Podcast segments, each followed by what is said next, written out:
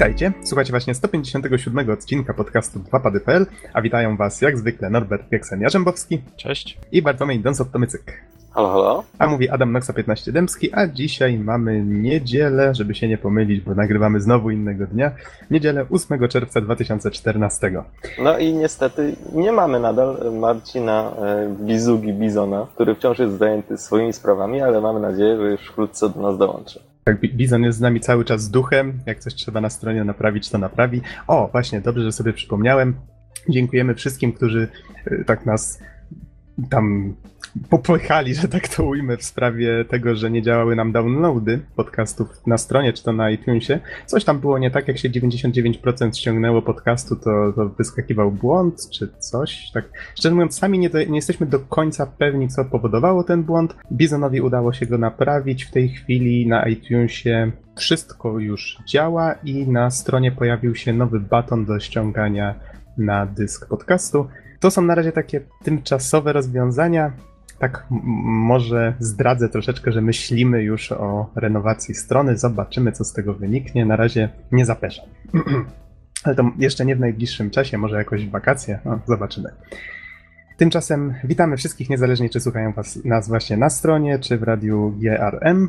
Przypominamy, że pod podcastem jak zwykle zamieścimy różne linki y, o, związane z tematami, o których mówimy, czy filmiki. Do dzisiaj będzie ich całkiem sporo.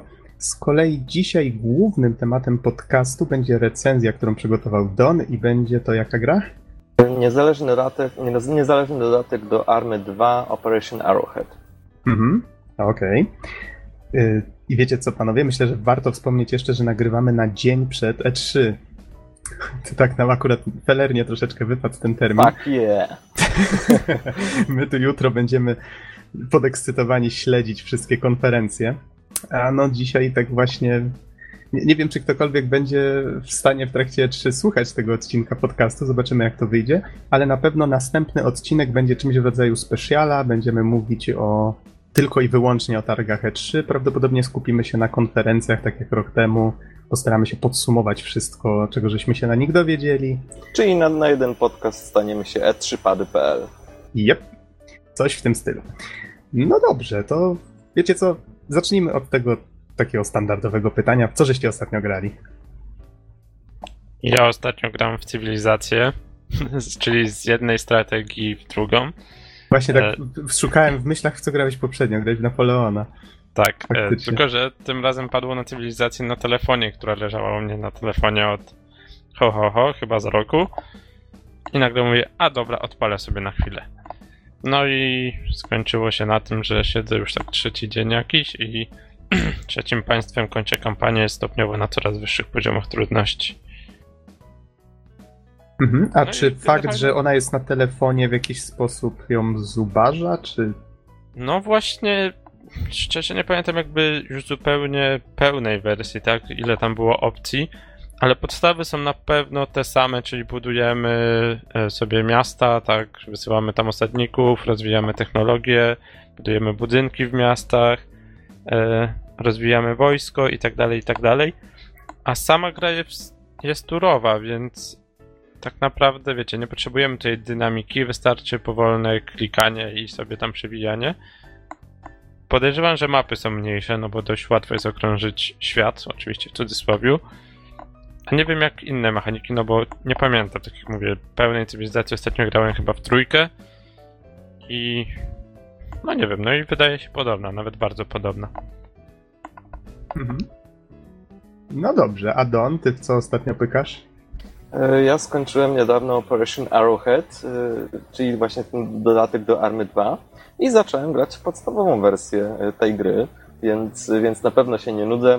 Ciągle ćwiczę, czy to loty helikopterem, czy to dowodzenie czołgiem, albo całą walną bitwą, na przykład pancerną, także jeśli jakiś tam Putin nam wpadnie z wizytą, no to, to go z, z, z, e, zgotujemy mu naprawdę gorące przywitanie. Okej. A ty, Nox, co tam grasz ostatnio? Bo żeś zaczął kilka gier, między innymi Drakengarda, Watch Dogsy i, i jak to wygląda u siebie? Wygląda tragicznie, bo teraz się sesja zaczyna. Teraz E3, które oczywiście będę śledził, choć nie mam na to kompletnie czasu. I te gry, tak jak powiedziałeś, chyba mam, nie wiem, jakbym zliczył wszystkie, to mam chyba z 6 albo 7 gier na poczętych. Mnie to trochę przeraża. Ale skupiłem się mimo wszystko na Drakengardzie. Powiem wam, wiem, Watch Dogsy wyglądają ślicznie i w ogóle i tak dalej, chociaż no wiem, że to jest sprzeczna kwestia, ale chodzi mi tutaj o porównanie jednego z drugim. Ale jednak ten Drakengard z tymi swoimi dziwnymi dialogami, charakterystycznymi postaciami jednak przeważył i mam ochotę go skończyć jak najszybciej, jakąś reckę przygotować. Jeszcze Gra, mi się, powiem wam, Mhm. że gra mi się bardzo fajnie. Pierwsze wrażenie faktycznie nie było najlepsze, ale gra się przyjemnie. Jest sporo archaizmów w tej grze, ale, ale jednak wciąga. I tak samo jak jedynka. Ona też nie była technicznie dobra, powiem szczerze, w jedynkę to się nawet męczyłem trochę grając, ale i tak chciałem zobaczyć wszystkie zakończenia, zobaczyć właśnie co, co jeszcze tam twórcy wymyślili na haju. znaczy, no, bo tam trochę polecieli jednak z tymi pomysłami. Tutaj ciekaw jestem właśnie, czy tu też jeszcze różne takie dziwne rzeczy będą się działy. Na razie jest całkiem ciekawie. Wiesz, wydaje mi się, że mm, jakby Drakengard, mimo że przynajmniej z tego, co mówiłeś i z tego, co oglądałem na gameplayach, jakby najmocniejszą stroną tej gry wydaje mi się właśnie nietypowa linia fabularna i właśnie postacie, które wpadają w pamięć. Natomiast e, tak oglądając materiały z Watch Dogsów i, i słuchając Twoich pierwszych wrażeń, nawet jeszcze wcześniej, trochę przed e, podcastem, e, może nacisnę wielu osobom na odcisk, ale tak doszedłem do wniosku, no dobra, no mamy gościa, który może walczyć dowolną bronią, bo jest świetnym strzelcem. Y, Ma komórkę, za pomocą której może zmienić czerwone światło na zielone i auta na siebie wpadają. Nie wiem, może podejść do kogoś i zacząć hakować. No i tak stwierdziłem, kurczę, to jest takie banalne. I no nie wiem, jakoś na razie mnie nie przekonała ta gra. Y, jak- Jakby z, z całą otoczką swoją, swoimi zresztą założeniami. Y, Natomiast pewnie ją, pewnie ją kiedyś wypróbuję i, i zrecenzuję. Natomiast jakby, jakby s, s, y, same te materiały, które docierają do odbiorcy, samo założenie gry, no moim zdaniem, no właśnie, jest takie trochę, trochę błahe i banalne. Mhm. Ja co prawda nie grałem znowu tak długo, żeby, żeby tutaj jeszcze recenzować czy się wypowiadać, ale wydaje mi się, że problem polega tutaj bardziej na, na tym tworzeniu postaci z jednego szablonu, tak żeby trafiły do, trafiła do jak największej liczby odbiorców. No, przecież wszyscy wiemy, że większość bohaterów gier to jest, okej, facet w średnim wieku albo starszy, e, czasami z brodą, prawda, albo łysy, który przy okazji jest tutaj świetnie posługuje się bronią palną albo sieczną, no ogólnie rzecz biorąc jakiś badass, co nie? I to wszystko wpada jakby w ten sam szablon i no i po prostu potrafi z czasem się robić nudne. No, my- myślę, że tu mieli w Watch Dogsach szansę to zmienić, zrobić jakiegoś takiego gościa, który właśnie hakując e, hakuje sobie drogę, tak, do, do celu. I tymczasem znowu poszli w tę stronę takiego gościa, który łazi i strzela i to właściwie z komórką w ręku, czyli taki troszeczkę znak naszych czasów, nie?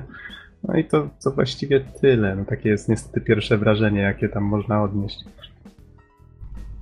tym związane. No dobra, panowie, myślę, że nie ma co, co tutaj drążyć jakby tego tematu, chyba że macie jeszcze jakieś przemyślenia. Ja myślę, że nie, ale pewne rzeczy pewnie wyjdą przy przyszłych recenzjach tej gry. Oj, myślę, że Recek to nam sypnie w pewnym momencie, bo wszyscy żeśmy różne gry ponapoczynali i teraz w pewnym momencie tak będzie, że będziemy kłócić, którą recenzować, jak, jak za dawnych, dobrych czasów, tak? Ale Okej. dlaczego ty sugerujesz, że te czasy minęły? A nie wiem, może taki okres jest po prostu. No, całkiem niedawno, no, ten, kiedy to było? W lutym mieliśmy tyle recek? To, to ja chyba tak sypnąłem, jak się s- y, skończył semestr, zacząłem grać we wszystko, co popadnie. A to nie było w sesji przypadkiem?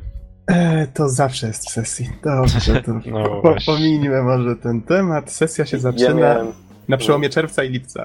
tak, znaczy u mnie trochę wcześniej. Natomiast ja, pamiętam, jeśli już o tym mówimy, że, że w zeszły okres wakacyjny trzaskałem, chyba miałem pięć okładek pod rząd, więc wściekłem się i, i zrecenzowałem wszystko, co tam grałem. A, no tak, wtedy tak. Ale tak się zastanawiam, kto z nas ma rekord właśnie ilości okładek pod rząd? Chyba ty miałeś coś sześć, coś takiego. Chyba ty. A, nieważne. Kiedyś, No, w każdym spra- kiedyś sprawdzimy. W każdym razie. A może ktoś sprawdzi za nas? O, Jest o co się bić. o tytuł, nie wiem, kto ma więcej, kto ma więcej okładek, combo razy 6 czy 7. słuchaj, zr- zróbmy tak. jeżeli ktoś z naszych słuchaczy to sprawdzi za nas, to pomyślimy o przydzieleniu jakiegoś darmowego kodziku na coś. O, może w ten sposób. Na przykład na symulator kozy. Okej, ale to ty to powiedziałeś. Jeszcze do symulatora kozy przejdziemy. E, dobrze, panowie, lecimy z tymi newsami, nie ma co zwlekać. Tutaj przepraszam, że okno mam otwarte, tu jakiś samochód przejedzie czy coś, ale niestety jest, jest ciepło. Taki mamy Watch Dogsy jadą klimat. pod oknem. Watch Dogs jadą pod oknem. Lecimy Hakują z tym koksem. nawzajem. Już, czap czap. Najważniejsza rzecz, która się ostatnio wydarzyła to... Wiedźmin. Tak, Wiedźmin. Była konferencja CD Projektu przed E3. Tutaj spodziewałem Ona się, że... była połączona z, z, z Gogiem. I oprócz tego, właśnie na tej konferencji, y, może przejmę pałeczkę, Mhm, proszę Na tej konferencji zaprezentowano przede wszystkim nowy trailer e, Wiedźmina, o którym też powiemy kilka słów. Poza tym przedstawiono właściwie wszystkie, wszystkie możliwe do dostania edycje gry, czy to wirtualne, czy to pudełkowe na, na różne platformy, czyli PC, PlayStation i Xbox One, PlayStation 4. E, Także co tam jeszcze powiedziano? Powiedziano też o The Witcher, e, Witcher The, The Adventure Game, to w sumie gra planszowa ma wyjść też na, y, na PC-ty. Y, No i poza tym GOG przedstawił swój nowy system GOG.com Galaxy. No i teraz mogę oddać Tobie Noxy paleczkę i lecimy z tym koksem. Okej, czyli jak rozumiem po kolei. No dobrze, to najważniejsze, co pokazano, może inaczej, nie najważniejsze, w kolejności, w jakiej o tym mówiono, pokazano tą kolekcjonerkę Wiedźmina trzeciego, pochwalono się figurką Geralta walczącego z gryfem. No, figurka wygląda całkiem ładnie, muszę przyznać. Myślę, że wygląda epicko po prostu. Nie E, całkiem bardzo, ładnie. bardzo fajnie, że przygotowali też filmik, który na sam koniec konferencji puścili. Taki making of tej figurki, bo myślę, że to. No, tak jak zazwyczaj pokazują te figurki, mówią, o macie figurkę, wszyscy, okej, fajnie. To teraz pokazali też filmik, na którym było widać, jak ona była tworzona krok po kroku. I, i to tak troszeczkę zbudowało taki fajniejszy klimacik. Troszeczkę takie hype podbudowało, o może tak to No wiesz, to, to zawsze, zawsze dobrze działa, kiedy pokaże się powiedzmy artystę, no bo tutaj y, nie jest to określenie nad wyraz artysty, który nad czymś pracuje.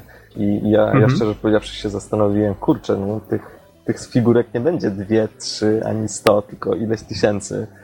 I w sumie wykonać te, taką ilość ich, no to... A wszystkie ponoć są ręcznie robione.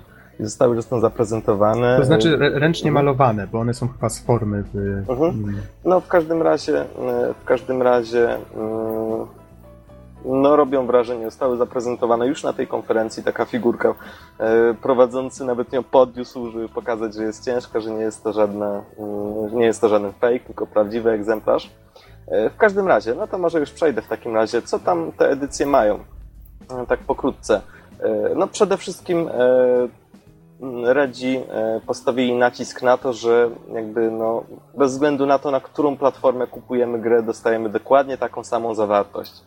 E, I, i to właśnie mm, bardzo mocno kontrastuje z komentarzem jednego z naszych, z naszych słuchaczy, Filippo, który nam e, podesłał taką tabelkę z Watch Dogsami. Po prostu przeraziłem się, jak to zobaczyłem, bo szczerze powiedziawszy, ja, ja mentalnie jestem przy tej normalności, a nie, a nie tego, tego, co się obecnie dzieje w branży w przypadku niektórych gier. Że nie Tak, a, a tam był osobny przedmiot y, dla jakiegoś sklepu, dla innego sklepu Mhm, jeszcze inny tak. i to wszystko zestawione razem i to był taki Excel na pół kilometra. Tak, No, chcesz mieć przesadzam. wszystko, kup pięć egzemplarzy najlepiej. No, ale Dobra. myślę, że większość osób i tak to już ignoruje. E, No tak. Przechodząc do tych platform, y, przypomnę, że gra wychodzi na PC, Xbox One i PS4.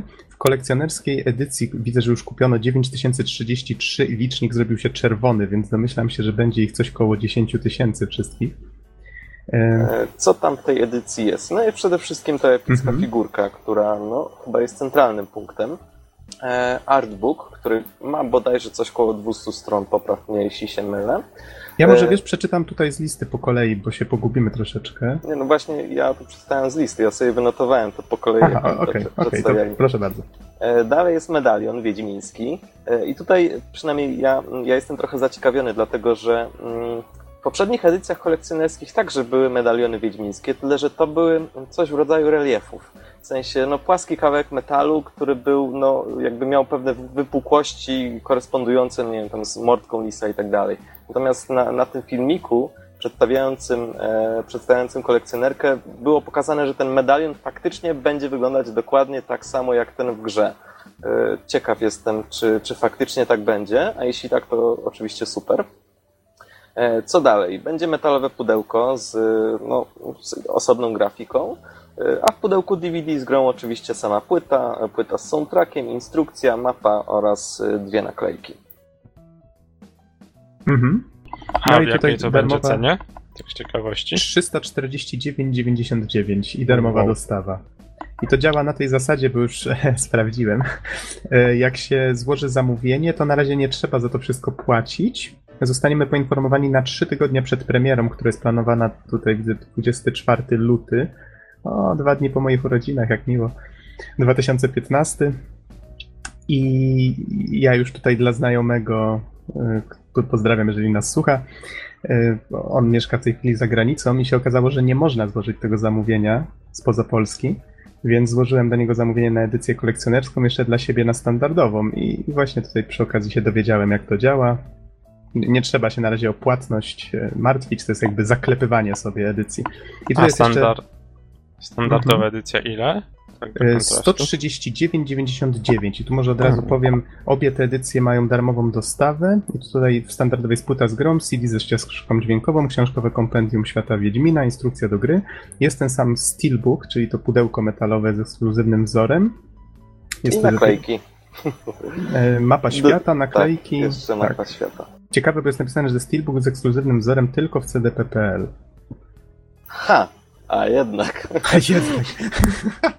jest też wersja cyfrowa, PC Windows. Tak, i tutaj i są te, też dodatki w PDF-ach. Mhm. Ona zawiera samą grę, która nie ma żadnych zabezpieczeń, e, artbook, e, wideo bonusowe, mapę świata oczywiście też wirtualną i jest jeszcze e, edycja cyfrowa tylko na gog.com i w niej dodatkowo znajdzie się mm, soundtrack, który, będzie, który jest rozszerzony. Pierwszy zeszyt też wirtualny komiksu The Witcher Dark Horse E, no i oczywiście. E, to znaczy to wyda wydawnictwa Dark Horse to jest. Mhm, tak. Mhm. E, I mm, koncepty, oczywiście pakiet awatarów, tapety, które zostały specjalnie wykonane dla Gogu. No i oczywiście, co jest ciekawe, kopia gry, oczywiście też wirtualna, Neverwinter Nights plus trzy dodatki. To jest ciekawe, że w sumie, w sumie dorzucili jeszcze to. Wydaje mi się, że jakby Mm, sam Wiedźmin nie potrzebowałby żadnej innej gry, żeby zachęcić, e, zachęcić e, do kupna, ale może chodziło właśnie o to, żeby, żeby więcej ludzi zdecydowało się na kupno przez Goga. Tak, nie ma co ukrywać, że przecież CD Projekt kontynuuje swoją strategię czarnej owcy, chcą się wyróżnić, nie są tacy jak EA, czyli właśnie, a ta gra się i tak sprzeda, to oróżnijmy wszystkich, tylko rozdają tutaj prezenty, pokazują, że są dobrym wujkiem i, i tak dalej, i tak dalej. I myślę, że im to wychodzi na zdrowie. No, ja nie mam nic przeciwko. Dla graczy same plusy, tak? Kupujemy mm -hmm. grę i dostajemy naprawdę spore pakiety. Nawet ta edycja podstawowa, już nie mówię o tej na Gogu, jest bardzo fajna. A, właśnie, tutaj już troszeczkę się rozwijamy właśnie na temat tego wszystkiego, co w tych opakowaniach jest. E, to może przejdźmy troszeczkę dalej. Czy Don wspomniałeś o, właśnie a propos tego Goga, czy wspomniałeś o e, dostępie do bety tej platformów, nie platformówki, co ja mówię, gry planszowej przeniesionej na PC-ta? A właśnie nie. No i właśnie warto powiedzieć, że, że ta gra planszowa wychodząca na PC, to jest Witcher The Adventure Game. Będzie dostępna w becie właśnie dla użytkowników GOGA. Tak, i to się łączy jeszcze z jedną informacją, bardzo ciekawą, czyli właśnie ten system GOGA, jak żeś to nazwał. E, GOG postanowił pójść troszeczkę w ślady Steama, chociaż tutaj od razu uspokajali, że nie, nie, nie, spokojnie, to wszystkie nasze domeny, tak, te najważniejsze zasady, na których, te filary, na których się opiera cały serwis, czyli że nie ma DRM, że można wszystko ściągać ze strony normalnie, y, to nadal zostaje, ale wprowadzają klienta swojego, który ma się nazywać GOG.com Galaxy. Ale on z kolei też jest opcjonalny. Tak, on jest opcjonalny. Nadal możemy przez niego pobierać, ale te gry nadal są wolne od DRM, czyli od tych zabezpieczeń cyfrowych. Innymi słowy, on służy troszeczkę jak downloader. I jedna rzecz, która myślę jest najbardziej ciekawa w tym wszystkim, to to, że on ma umożliwiać crossplay między różnymi platformami. Czyli... Czyli na przykład, jeśli ktoś na Steamie ma jedną grę, ty na mhm. Gogu masz grę, możecie grać razem i przy czym zaznaczono bardzo, bardzo wyraźnie, że mm, gracze nie muszą tutaj martwić się instalowaniem czegoś dodatkowego, po prostu cały ten system zrobi to za nich i będą mogli po prostu grać razem. Tak, czyli nie muszą mieć na przykład dwóch kont mm, na Steamie i, i na właśnie na Galaxy, żeby żeby móc grać powiedzmy w tą samą grę z kolegą, który korzysta ze Steama, podczas gdy my korzystamy z Galaxy. I pierwszą grą, która ma to sprawdzić, jest właśnie ten The Witcher Adventure Game i dlatego chcą dodawać te dwa zaproszenia do bety, do każdego preorderu na Gogu Wiedźmina Trójki, żeby można było dać koledze i to przetestować. No myślę, że im też to wyjdzie na zdrowie, bo będą wtedy mieli więcej osób na start chętnych, prawda? I Wiecie co, razie... w ogóle wydaje mi się, że to jest mhm. bardzo ciekawe. Przepraszam, że przerwałem. Przepraszam Dobrze, bardzo. Tak wyszło. Pobijemy się po, po podcaście czy coś. w każdym razie, wiesz, może chciałbym ten temat jeszcze może na, na dwa zdania przeciągnąć, dlatego że wiecie, w sumie współcześnie gry są zdominowane przez te wszystkie platformy, które ciągle wymagają.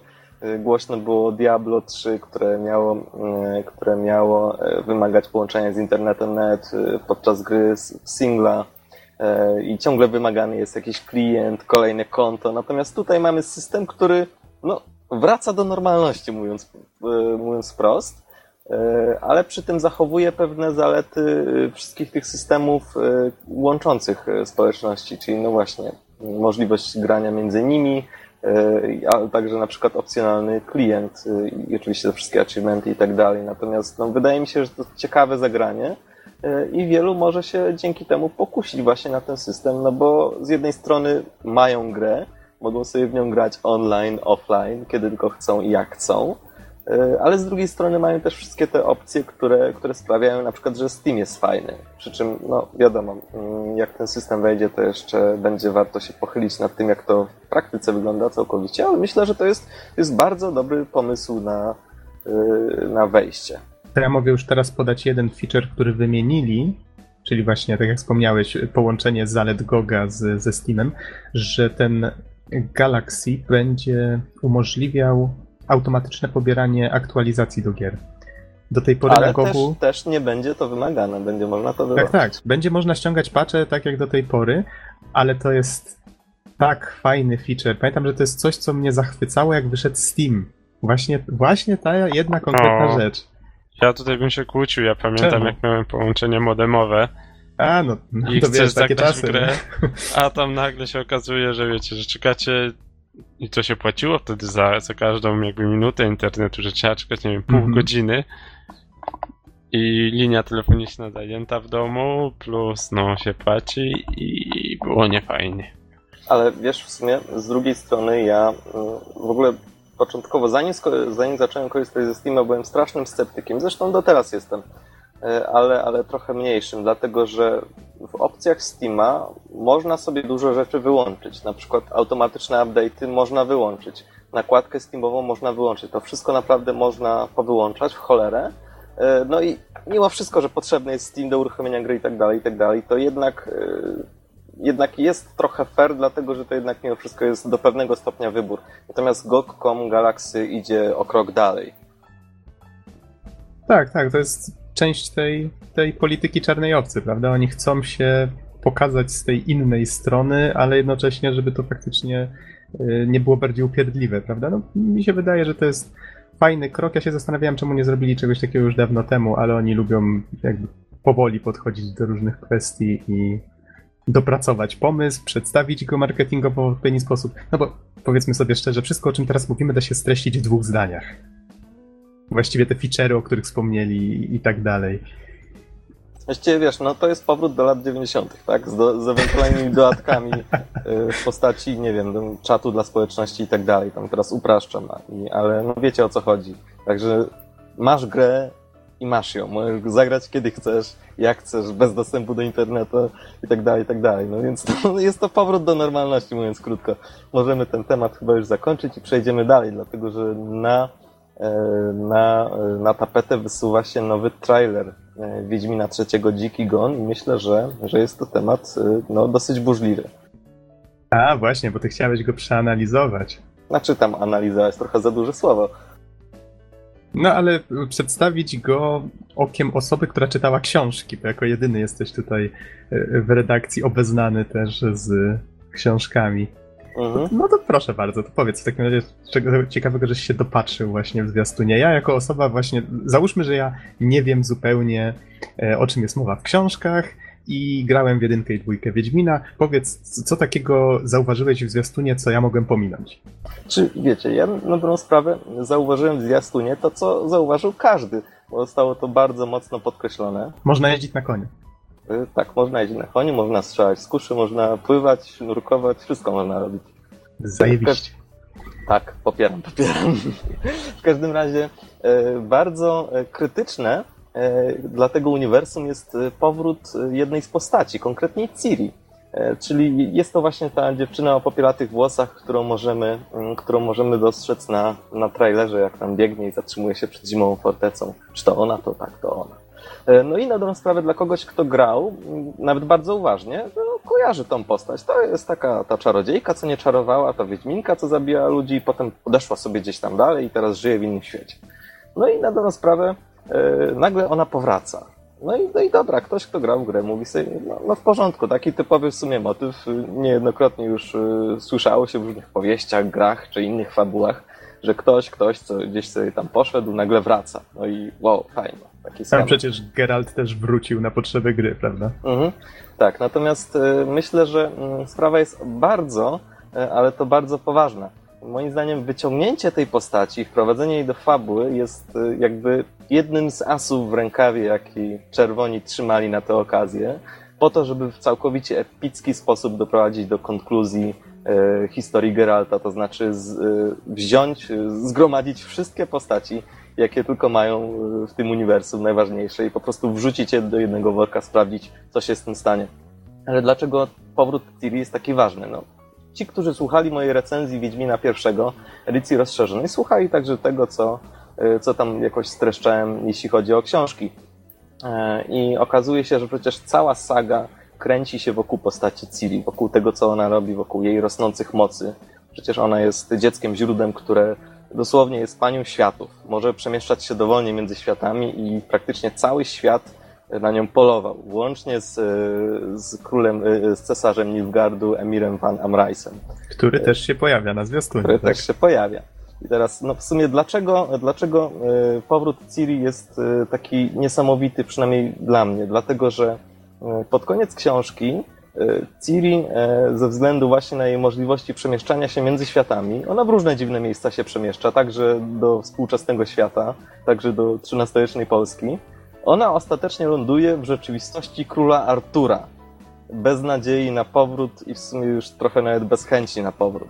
I teraz wow, nagle wraca. I to jest, to jest naprawdę niesamowite. Ciekaw jestem, jak się z tego wytłumaczą. E, I druga sprawa, która mnie zaciekawiła.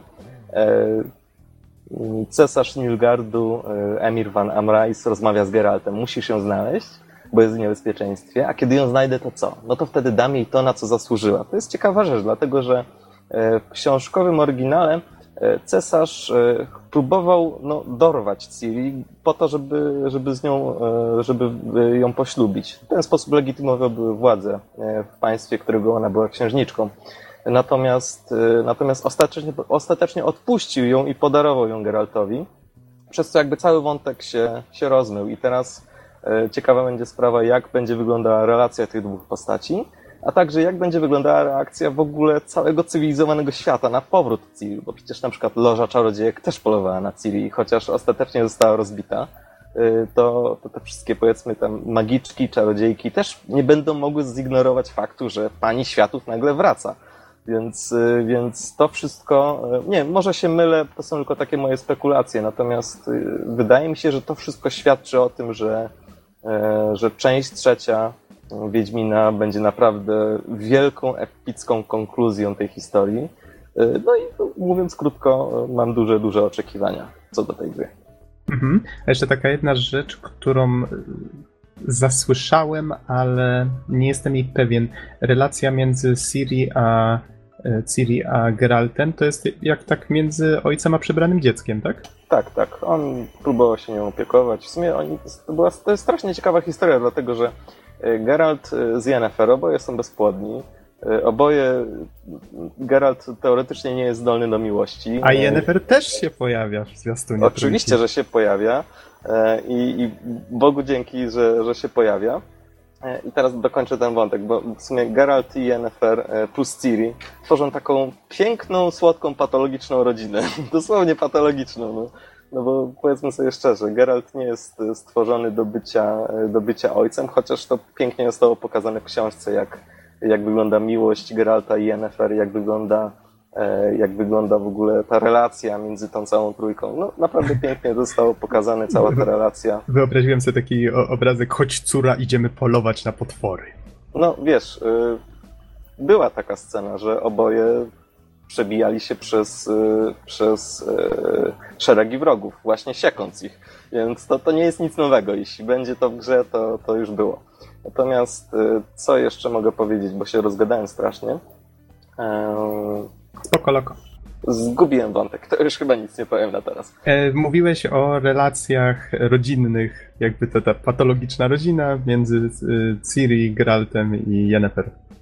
Mm, tak, patologiczna, ale, ale piękna jednak mimo wszystko, bo tak patologiczna jakby z punktu widzenia neutralnej osoby, jakby popatrzeć na to z boku, natomiast y, pojawia się też Yennefer, dzięki Bogu za to, że się pojawia, dlatego że mm, no, mogę powiedzieć tylko o swoich wrażeniach jeszcze z pierwszej części edycji rozszerzonej.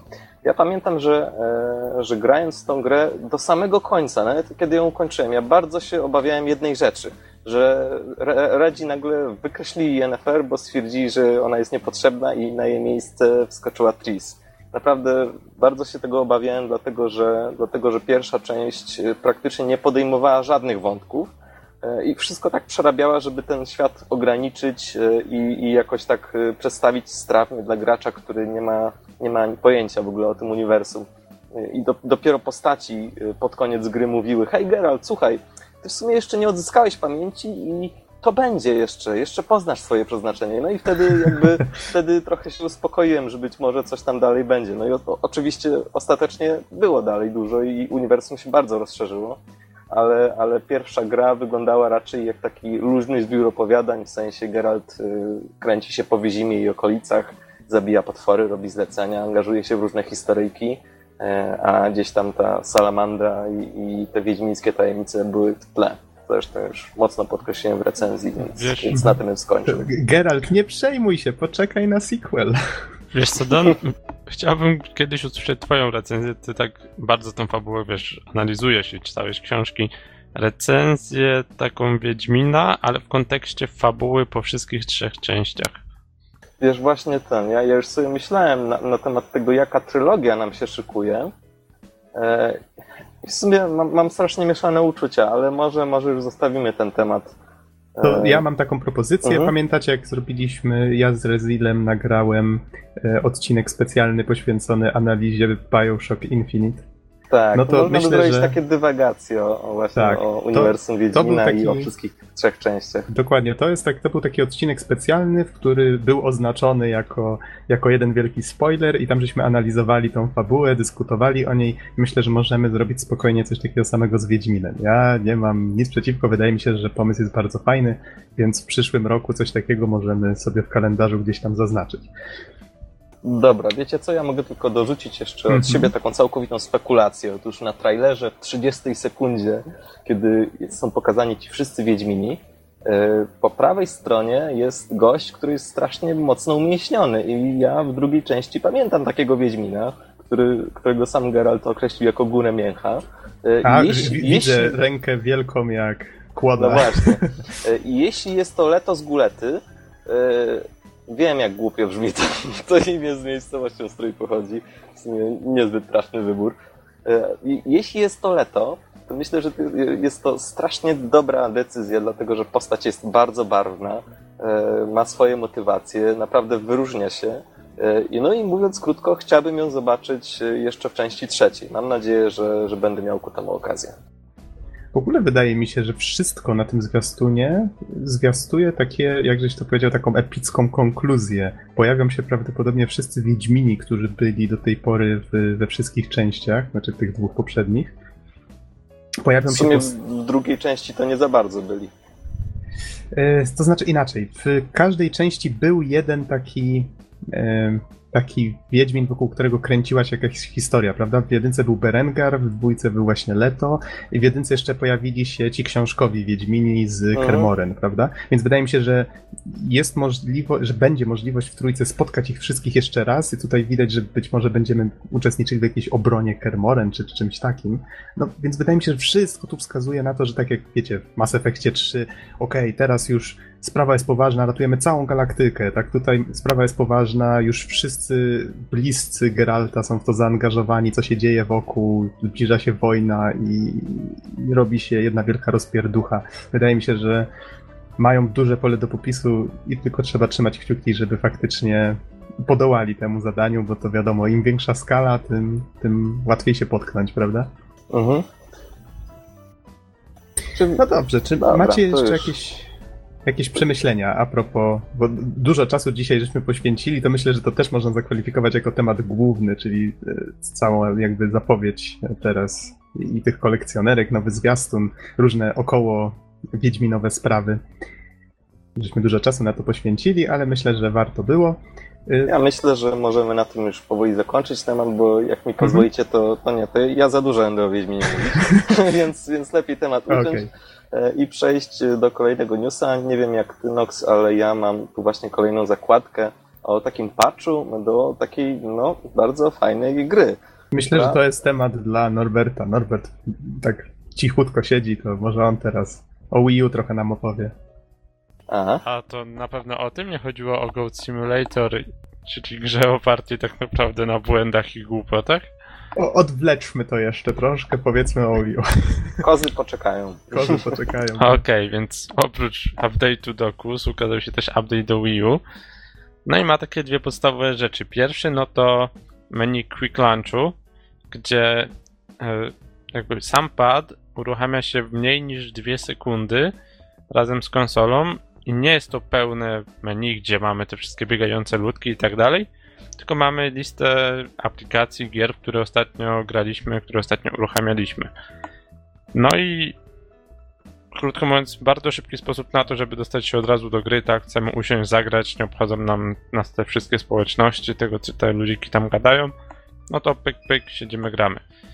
E, druga opcja, no to e, notyfikacje w gamepadzie bezpośrednio, czyli jeżeli ktoś nie wiem, do nas dzwoni na przykład, no bo Wii U ma wbudowany czat, to gamepad może zacząć po pierwsze świecić swoją ikonką, tak jak to robił do tej pory chyba, choć nie jestem tego pewien, chyba tak się nie działo. Dobra, w każdym razie może świecić ikonką, plus dodatkowo wydawać jakieś odgłosy, więc jakby Wii U może robić wstępnie za telefon, przynajmniej na to wychodzi, jeszcze tego nie testowałem. E, no i też możemy dostawać notyfikacje jakieś z innych aplikacji, tak, że wtedy nasz gamepad też będzie się świecił na niebiesko. Oczywiście tylko jego home button, żeby nie zeżarł całej baterii, taka mała ikonka. No ale fajny sposób mm, na to, żeby, no tak jak mówię, tak, jakieś telefony odbierać na Wii U czy na tego typu rzeczy. I w sumie, w sumie tyle. Przede wszystkim ta pierwsza opcja, ten Quick Launch, ważny dla użytkowników konsol, którzy chcą po prostu grać, tak, czyli bierzecie gamepada, naciskacie włącz, naciskacie guziczek, no bo to się pokazuje prawie natychmiast i już jesteście Okej, okay, we get it. No i w sumie tyle. Jest szybko, mówiąc krótko. Tak, jest szybko. Okej, okay, super. To, to myślę zawsze jest przydatne. Lecimy z filmikami, panowie. Dzisiaj mamy mnóstwo filmików pod podcastem, no może bez przesady, ale jest ich trochę, więc może tak szybciutko je wymienię każdy z was może tam zdanko do każdego. E, wrzucamy zwiastun Enemy Front. Już wrzuciliśmy jeden, tylko że teraz jest z polskim dubbingiem. Don, co sądzisz o polskim dubbingu w Enemy Front? y, mi się nie podoba, brzmi sztucznie.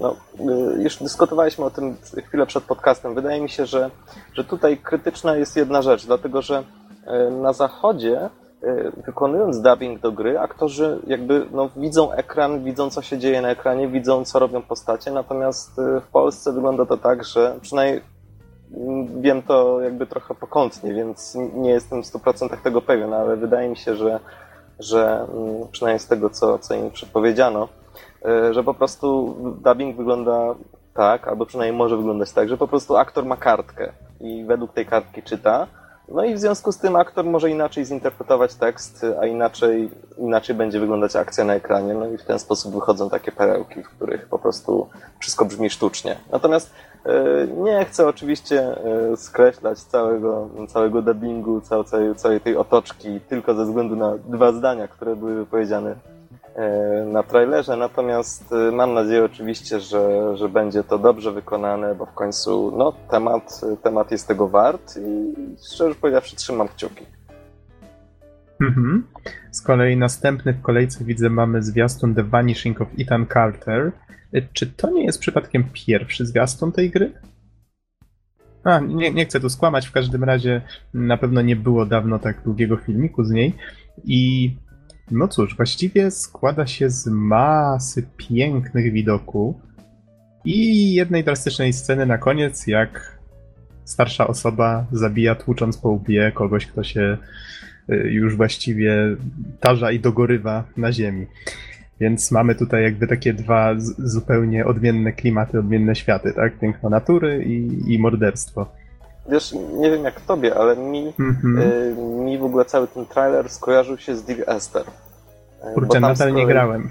Bo tam z kolei też mamy całą masę ładnych widoków. One nie są niestety tak ładne jak y, The Vanishing of Ethan Carter, ale, ale też jest coś takiego, jest bogate otoczenie i właśnie ciekaw jestem, na ile te dwie gry będą podobne, chociaż podejrzewam, że, że właśnie ten The Vanishing będzie, będzie bardziej skomplikowane pod kątem gameplayu bo w DRS z kolei nie mieliśmy żadnej interakcji z otoczeniem, żadnej. Dosłownie tylko co mogliśmy zrobić, to spacerować i wybierać, e, wybierać drogę, którą pójdziemy, więc, więc zobaczymy, jak to będzie wyglądało. Natomiast e, sam trailer wygląda prześlicznie e, i widać, widać tutaj ciekawy zamysł artystyczny. Mam nadzieję, że, że chłopaki dadzą radę, ale podejrzewam, że tak się stanie. Trochę tylko żałuję, że ta ostatnia scena nie pozostawia trochę więcej wyobraźni to tak, tak jest przedstawiona bardzo dosłownie i no nie wiem, może to ja jestem taki jakiś oporny. Delikatny. O, chciałem powiedzieć oporny, w sensie nie ruszyło mnie to jakoś szczególnie. E, myślę, że chodziło raczej o pokazanie kontrastu. Najpierw widzimy, wiecie, te takie spokojne krajobrazy, tą piękną jakby wyspę, a później takie bum. Ale mhm. faktycznie myślę, że nie do końca udało się osiągnąć ten efekt, tak jak mówisz. Okej, okay, następny filmik. Tutaj właściwie chyba obejdzie się bez komentarza. Zapowiedziano nowy Mortal Kombat i jest nowy filmik, e, właściwie zwiastun przedstawiający walkę Sub-Zero ze Skorpionem, czyli tutaj ulubieńcy fanów. Nie powiem kto wygra, obejrzyjcie sami. I... I tytuł będzie Mortal Kombat 10, czyli tutaj z rzymskim X-em, tak? E, nawet czytałem gdzieś jakąś dyskusję, czy to jest grafika, jaka będzie w grze, czy to jest prerender. A jeżeli miałbym swoje trzy grosze wrzucić, to, to jest raczej na 99% prerender, więc tutaj pozostawię ten ułamek wątpliwości, ale raczej, raczej prerender. Lecimy dalej. Filmik oczywiście trafi pod podcast, a my tu mamy jeszcze cztery następne. Zwiastun Valiant Hearts, The Great War. To jest taka ciekawostka. To jest gra, nie czytałem o niej zbyt wiele, ale ona jest wydawana przez Ubisoft. Jest stworzona na silniku, na którym jest stworzony teraz Rayman, czyli ten Ubisoft Framework.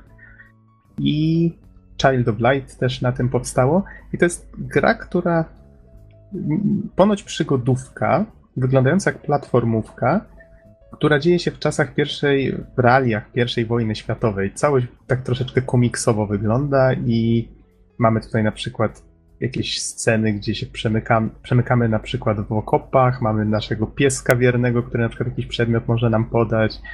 Nie wiem dokładnie o co w tej grze będzie chodziło, ale twórcy mówią, że to będzie historia y, o wojnie, a nie o braniu w niej udziału, w sensie, wiecie, nie będziemy tam strzelać prawdopodobnie i, i tak dalej, tylko będziemy y, ja- jakieś takie inaczej, wojna będzie prawdopodobnie tylko tłem do całej tej historii. No mam nadzieję, że tak to zostanie tutaj potraktowane.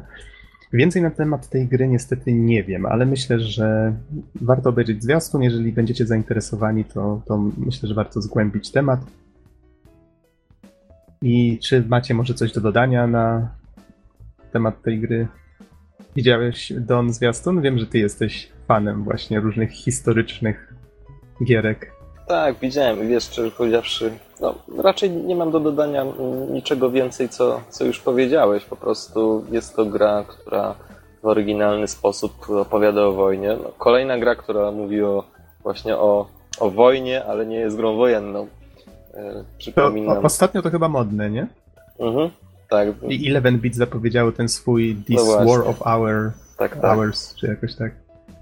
This War of Mine, albo coś O, takiego. o, właśnie, tak to właśnie. szło. Tak. W każdym razie Przepraszam, przekręciłem jeszcze gramatycznie Mhm. angielski. Prawdopodobnie to będzie taka trochę satyra y, na, na rzeczywistość wojenną i na to, co się tam działo. Mówisz o Valiant Hearts, tak? Tak, tak. Mhm. Y, W każdym razie, y, w każdym razie warto obejrzeć. Być może będzie to coś naprawdę zapadającego w pamięć. Właśnie ze względu na, na klimat i na to, co zobaczymy na ekranie. Mhm. A z kolei kolejny filmik myślę, że zainteresuje Norberta. Norbert, pamiętasz Oddworld No, no. i. Ava? A nie wiem, czy przeglądałeś y, newsy. Pojawił się zwiastun właśnie Oddworld New and Tasty, czyli tego remake'u. Przeglądałem, ale gdzieś mi to musiało umknąć. To w takim razie, proszę bardzo, wklejam go. Możesz rzucić okiem. Ogólnie zwiastun. y, No cóż, to będzie stary, dobry Abe. Odświeżony zupełnie, tak jak kiedyś to były prerenderowane tła posklejane jakoś ze sobą, tak teraz wszystko jest oczywiście w pięknej grafice, już trójwymiarowej, wyglądającej naturalnie dużo, dużo ładniej niż to, co było kiedyś. Który to był rok? 97, 8? Jakoś, jakoś tak. No, dawno temu.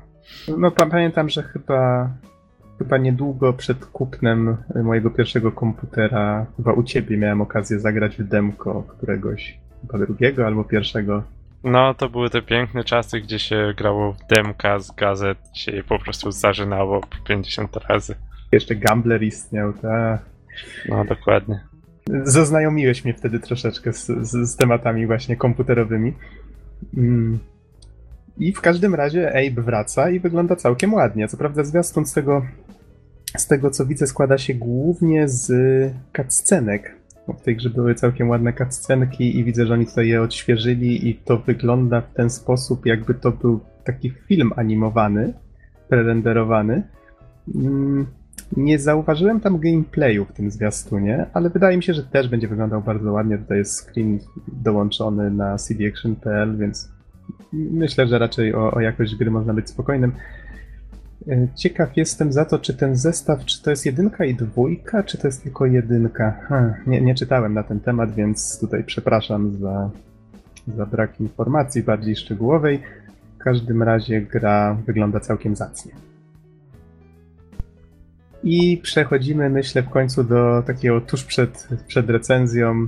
Dwa ostatnie filmiki bardziej tak humorystycznie wrzucone. Jeden to jest reklamówka Mercedes-Benz przygotowana tak troszeczkę pod premierę Mario Kart 8, którą o, pie- pierwsze wrażenia, że się przedstawiali ostatnio. I, i tutaj, no może nie będę opowiadał dokładnie, co, co się tutaj dzieje, ale obejrzyjcie sobie ten filmik. Jest Mario, jest Mercedes i no jest old school. Już się zaczyna reklamować takie rzeczy jak samochody y, oldschoolowymi grami wideo. To znaczy, że chyba że, że chyba już marketingowcy doszli do wniosku, że nasze pokolenie takich rzeczy już potrzebuje i w ten sposób mogą do nas trafić. Takie Ale- odniosłem wrażenie.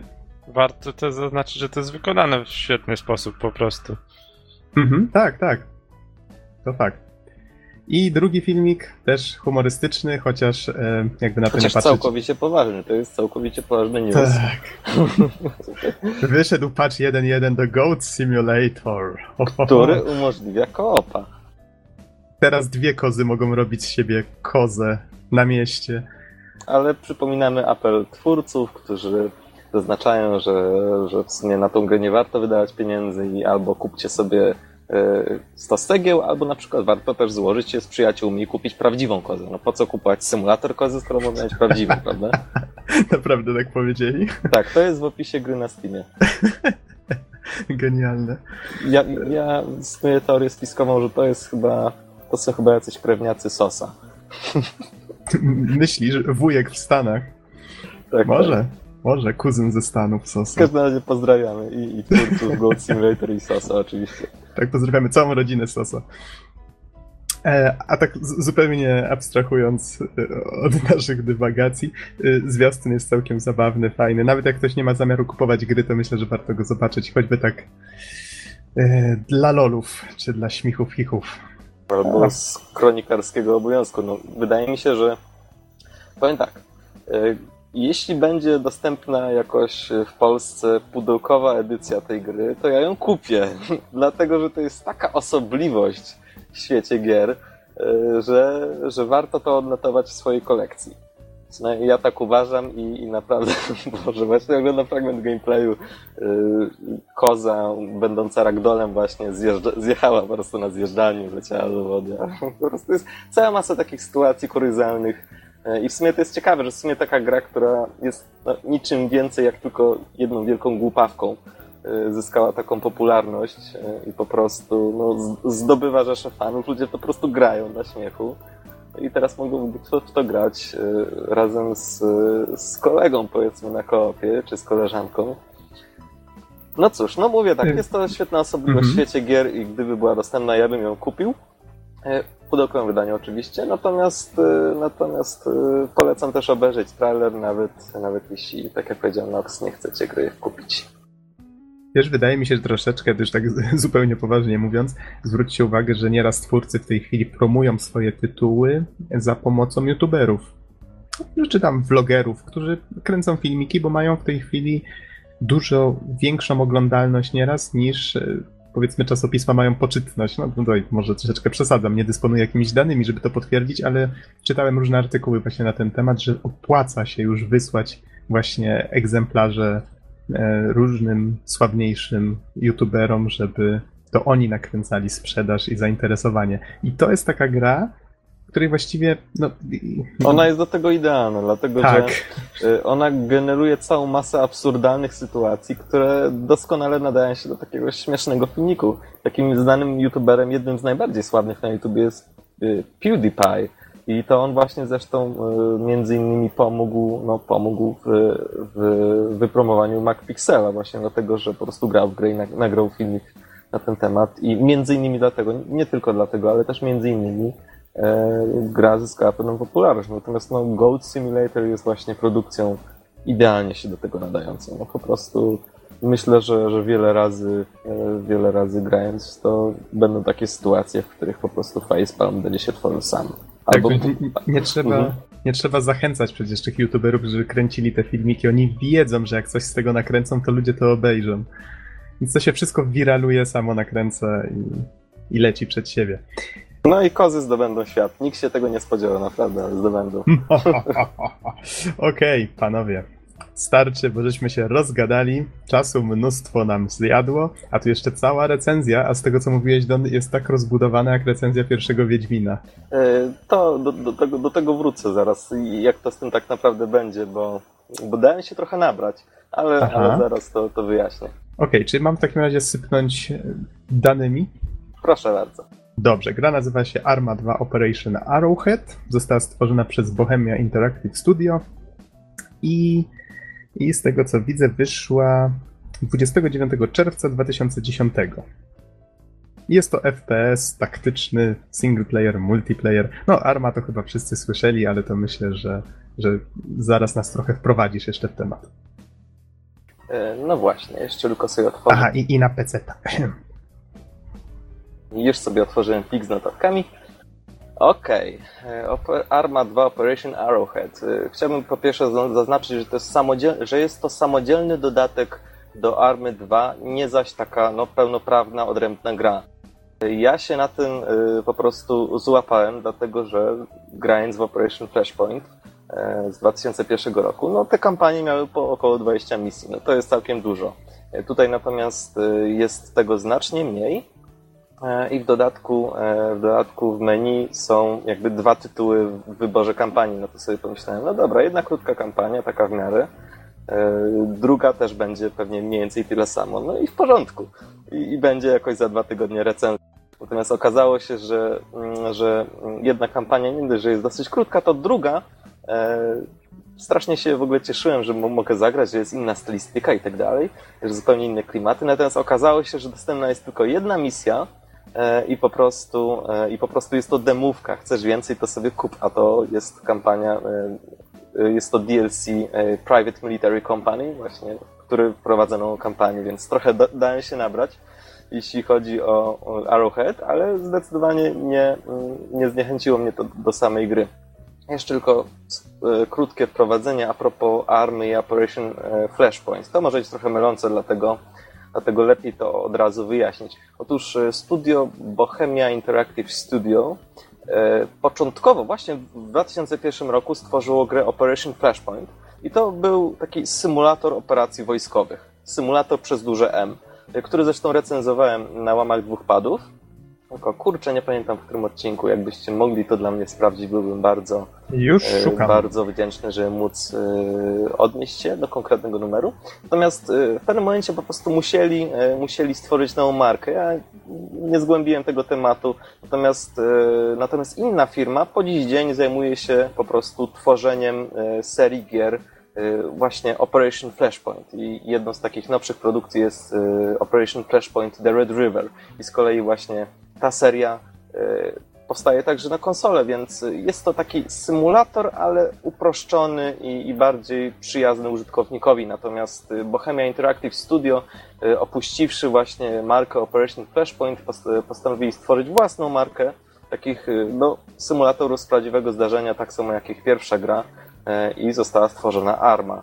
E, no i mamy oczywiście trzy części. E, trzecia część niedawno wyszła na Steamie, natomiast druga, no właśnie ja teraz będę recenzować dodatek niezależny właśnie do, do części drugiej.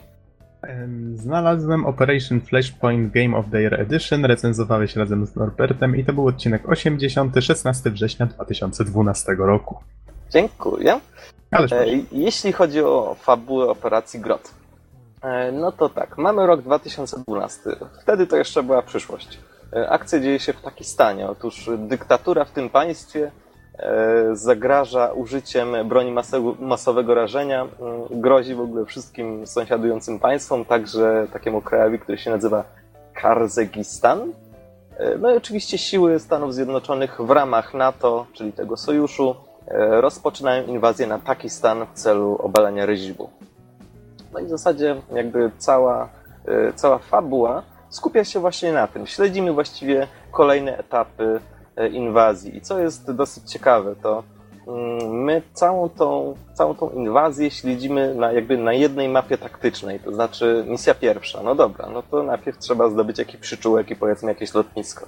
Potem misja druga, E, front jest, front jest już zaznaczony trochę dalej. Tereny, które najpierw były niebezpieczne, teraz już są zabezpieczone e, i wojska NATO się posuwają. Potem misja trzecia, wciąż na tej samej mapie taktycznej i znowuż kawałek dalej, więc to było bardzo ciekawe, że, że w sumie jakby e, na tym samym terenie można było sobie porównać, jak ta inwazja przebiega i jak pacyfikowanie sił reżimowych przebiega. To było bardzo fajne, dlatego że zazwyczaj to wygląda tak, że, że w kolejnych misjach mamy jakieś tam, no nie, w, w takich grach jak na przykład Call of Duty i tak dalej, kolejne misje po prostu to są jakieś tam wycinki i nie możemy sobie tego e, umieścić jakoś bezpośrednio na mapie świata, natomiast tutaj wszystko się dzieje w sposób płynny i śledzimy całą tą inwazję. Natomiast e, co jeszcze warto wspomnieć? Gra symuluje oczywiście operacje wojskowe i to jest główna, e, główny element, który jest symulowany, który jest pokazywany te wszystkie misje, operacje, w jaki sposób one muszą zostać wykonane, ale uwzględnia też wszystkie inne czynniki, które, no może nie wszystkie, ale, ale kilka fajnych czynników, które podczas takiej inwazji, podczas takiej operacji też y, są bardzo istotne. Na przykład media. Otóż już w ogóle w prologu pojawia się stacja AAN, to jest genialne. Y, I nie wiem, czy kojarzycie. AAM? AAM? AAN. To jest przeróbka CNN oczywiście. Okay. Już w prologu pojawia się bardzo fajna rzecz, to znaczy nie wiem, czy kojarzycie mm, taką, wiecie, relację z pola bitwy, w sensie bardzo często w telewizji, jeśli ktoś y, interesuje się tematem, to można zauważyć na przykład, że kamera jest ustawiona na panoramę miasta, E, i na żywo komentowane są jakieś, e, jakieś walki, które się dzieją na przykład w nocy i wtedy widać rozbłyski na tej panoramie miasta, co się dzieje i faktycznie takie relacje w telewizji można od czasu do czasu zobaczyć. Natomiast tutaj właśnie e, całość zaczyna się taką relacją i dziennikarz AAN tłumaczy nam, jaka jest sytuacja polityczna w Pakistanie. Poza tym też w międzyczasie podczas gry występuje konferencja prasowa, podczas której odpowiedni żołnierze po prostu zdają relacje z tego, jak przebiega operacja, co zostało wykonane, co, co się nie udało, co się udało. I dziennikarze też zadają pytania. Jest oczywiście skrócony i trwa zaledwie tam 3-4 minutki góra, ale no kurczę, czegoś takiego się nie robi. No nie wiem, w którym Call of Duty była taka z prawdziwego zdarzenia zrobiona konferencja prasowa? No w żadnym. Y, I po prostu jakby sam ten fakt, że, mm, że podjęto też właśnie tą stronę operacji wojskowych jest niesamowity. Na przykład mogę powiedzieć, że kiedy, kiedy przegrałem tam jakąś misję, to w komunikacie oczywiście nastąpił, w komunikacie był, był taka treść, że, że tam w związku z tym, że, że tam nie udało nam się, to były duże straty w cywilach i tak dalej, i tak dalej, a media wykorzystały to i prawda, i oczerniły na to, prawda, więc tego typu detale też są świetne i widać, że E, gra uwzględnia nie tylko same operacje wojskowe, ale też pewne elementy, które są z nimi związane. I tutaj, co jest e, kolejnym ważnym, ważnym elementem, e, jest także cywile, ludność cywilna i relacje wojsk NATO właśnie z nimi. To znaczy, to jest bardzo fajne, dlatego że zresztą wspominałem o tym już w pierwszych wrażeniach bodajże. Jeśli mamy dobre relacje z cywilami, to misje mogą przebiegać w trochę inny sposób. Zawsze inaczej wygląda sprawa, kiedy, kiedy ludność tubylców, ludność cywilna e, ma pozytywne nastawienie do, do, e, do wojsk, e, którymi operujemy, a inna, kiedy, kiedy po prostu jest przeciwko nam. Więc to też jest fajne, bo przecież taka misja to nie tylko wybić wroga, ale też zdobyć sobie poparcie właśnie tubylców. To jest po prostu świetne i bardzo, bardzo klimatyczne. A zadam może troszeczkę takie pytanie w tej chwili, żeby się nie zgubić, mhm. w tej chwili opisujesz dodatek do dwójki, tak? Tak. Ten, to jest którym... osobna kampania. Aha, bo na początku skrytykowałeś tak krótko, y, że dałeś się nabrać, że to było krótsze niż się spodziewałeś. Czy o tym teraz właśnie mówisz? Tak, tak. Mówię właśnie o tym dodatku. Po prostu e, no, mhm. jestem przyzwyczajony, że, mm, że właśnie gry z serii pierwsze Operation Flashpoint albo Arma, no po prostu są długie. E, I, I tutaj na przykład kampania zawiera około siedmiu misji. Dlaczego około, to zaraz powiem. I jest to zdecydowanie mniej niż się spodziewałem, ale to dlatego, że nie wziąłem poprawki na to, że jest to po prostu tylko dodatek z jakąś kampanią, a nie podstawowa gra Arma 2. Mhm. Okay. Natomiast ta druga kampania, y, która też została wrzucona, to po prostu demówka. Czyli spodobało się, no to kup bardzo chętnie bym kupił y, i pewnie z przyszłości kupię. Natomiast na razie Operation Arrowhead. Mm, okej, okay, okej. Okay. I tak jak rozumiem, y, jest to, tak wyobrażając sobie po tym, co opisałeś, jest to jakiś otwarty teren, tak, na którym prowadzimy działania wojskowe, mamy te siedem misji, mamy te, ten świat reagujący na żywo na to, co nam się uda albo nie, to, to brzmi całkiem fajnie właśnie z tymi, z reakcją mediów. Tak? Mniej więcej w ten sposób to wygląda? Mhm. Tak, mniej więcej tak. Zresztą to, to właśnie zaraz, zaraz podkreślę jeszcze przy okazji gameplayu, bo w zasadzie jak to wygląda? No wszyscy wiemy, Operation Flashpoint, Arma, Operation Flashpoint dawniej, Arma teraz, to jest w zasadzie silnik jeden, który jest udoskonalany cały czas od lat i, i w zasadzie dochodzi do, do pewnej perfekcji, która właśnie może zostać uzyskana tylko przez to, że, że przez wiele, wiele lat on jest udoskonalany. E, no i cały ten silnik oferuje mm, kilka rzeczy w sumie. Po pierwsze, możemy być szeregowym żołnierzem e, w oddziale, e, na jakimś stanowisku w pojeździe, czyli na przykład kierowcą w czołgu, strzelcem w czołgu, strzelcem w helikopterze itd., tak itd. Tak poza tym daje nam możliwość zostania mm, dowódcą na przykład jakiegoś oddziału, y, na przykład czołgu albo dowódcą helikoptera, czyli w zasadzie pilotem, bo strzelec jest pod pilotem, wykonuje jego polecenia.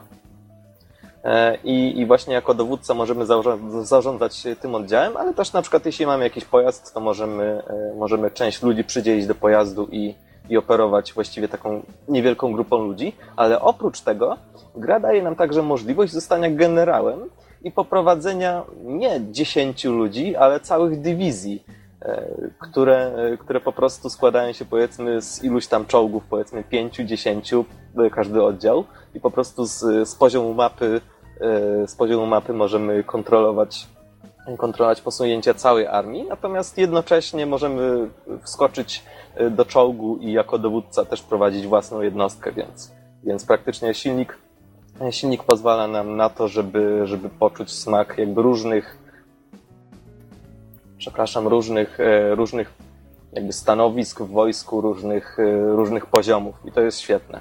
A, to taka, taka jed... przepraszam, że ci przerwę, takie jedno pytanko mi się nasunęło, bo tutaj wszystko obserwujemy z perspektywy pierwszej osoby, tak? Tak. W takim razie, w jaki sposób rozwiązano tutaj dowodzenie, powiedzmy, takim olbrzymim wojskiem? Czy to jest jakaś zmiana trybu na bardziej strategiczny, czy to robimy, powiedzmy, Nie. na jakiejś mapie? Y, cały czas jest tryb FPP, ale powiem Ci na przykładzie, jak to wygląda. Otóż jedna z misji to jest przeprowadzenie pancernej ofensywy, jest to pancerna bitwa Y, walna zdobycie lotniska wroga. E, no i sytuacja wygląda tak. Mamy swój czołg, którego jesteśmy dowódcą. E, w trybie pierwszoosobowym my widzimy to, co dowódca czołgu. E, czyli mamy taką, mamy taki wizjer, który znajduje się na wieżyczce czołgu i możemy nim swobodnie obracać. Innymi słowy widzimy, co się dzieje dookoła nas, możemy, nawet strzelać zdalnie z karabina maszynowego. No i okej, okay. mamy swój czołg, mamy swoich ludzi którymi też możemy zarządzać. Wydawać komendy w obrębie swojego czołgu, na przykład namierzyć cel, ognia itd. Tak itd. Tak e, natomiast e, wciskamy mapę, e, klawisz M i po aktywowaniu, konkretnej komendy, tam Ctrl plus spacja, nagle z dowodzenia tym, tymi kilkoma ludźmi w swoim pojeździe przechodzimy do dowodzenia całymi dywizjonami. E, czy dywizjami, przepraszam, ale nie za bardzo się orientuję, jak to jest e, z tymi, e, z tymi nazwami w wojsku, bo tam jest batalion od, od iluś tam pojazdów, mhm. drużyna i tak dalej, i tak dalej. To jest trochę skomplikowane. Nie wdrażałem się. W każdym razie, kiedy sobie przełączymy to i wejdziemy sobie na przykład do mapy, no to wtedy mamy zaznaczone ikonki, które są oznakowaniem NATO autentycznym, co jest też fajne. I po prostu mówimy, dobra, tutaj trzy czołgi, które są w tym oddziale, przesuwać się w ten punkt te trzy czołgi w tamten punkt i po prostu w ten sposób zarządzamy nimi jak e, w sumie jak w strategii, widząc jak te ikonki się przesuwają. Natomiast co jest dobre, możemy możemy do każdego y, oddziału wyznaczyć jakieś różne cele, na przykład, nie wiem, tam skradanie się, otworzyć ogień automatycznie, wstrzymać ogień i tak dalej, więc bardzo zaawansowany sposób możemy to wszystko kontrolować. Natomiast jeśli, nie wiem, posuniemy jak, jakiś tam oddział, e, to jest bezpieczniejszy termin, posuniemy jakiś oddział, powiedzmy, w pobliże wroga, to, to oni już automatycznie będą wiedzieli, co mają robić, czyli otworzą ogień, więc, więc nie trzeba się przejmować aż takimi detalami, po prostu wystarczy przesuwać jednostki odpowiednio na mapie. Natomiast jednocześnie Innymi oczywiście... słowy, nasi ludzie to nie idioci, wiedzą, że muszą tak. strzelać, jak podchodzą do wroga. Dokładnie, chyba, że będzie komenda wstrzymać ogień mhm. i, nie strzelać. W każdym razie mm, i oczywiście prowadząc taką, e, taką ofensywę musimy też dbać o własny czołg, czyli przesuwać swoją jednostkę odpowiednio. E, I to jest dobre, bo jednocześnie, mm, jednocześnie e, dowodzimy, a z drugiej strony mamy też swoją jednostkę i musimy też prowadzić ogień i walczyć. Czyli nie, nie, czujemy, jest... się, nie czujemy mhm. się jak Bóg w innych strategiach, gdzie właściwie jesteśmy nietykalni, tylko nasze jednostki walczą za nas. Tak, chociaż w zasadzie na upartego można zrobić tak, że nasz czołg będzie się trzymał z tyłu i będzie to takie HQ, czyli, e, czyli sztab polowy, zrobić sobie z niego i po prostu samemu się nie ruszać, tylko puścić do walki jednostki, ale szczerze powiedziawszy odradzam i lepiej osobiście też brać udział w walce. Zresztą mogę powiedzieć, jestem siebie bardzo dumny, dlatego że właśnie w bitwie pancernej, w której e, brałem udział, osobiście zestrzeliłem kilka heliko helikopterów wroga, które masakrowały nasze czołgi za pomocą rakiet.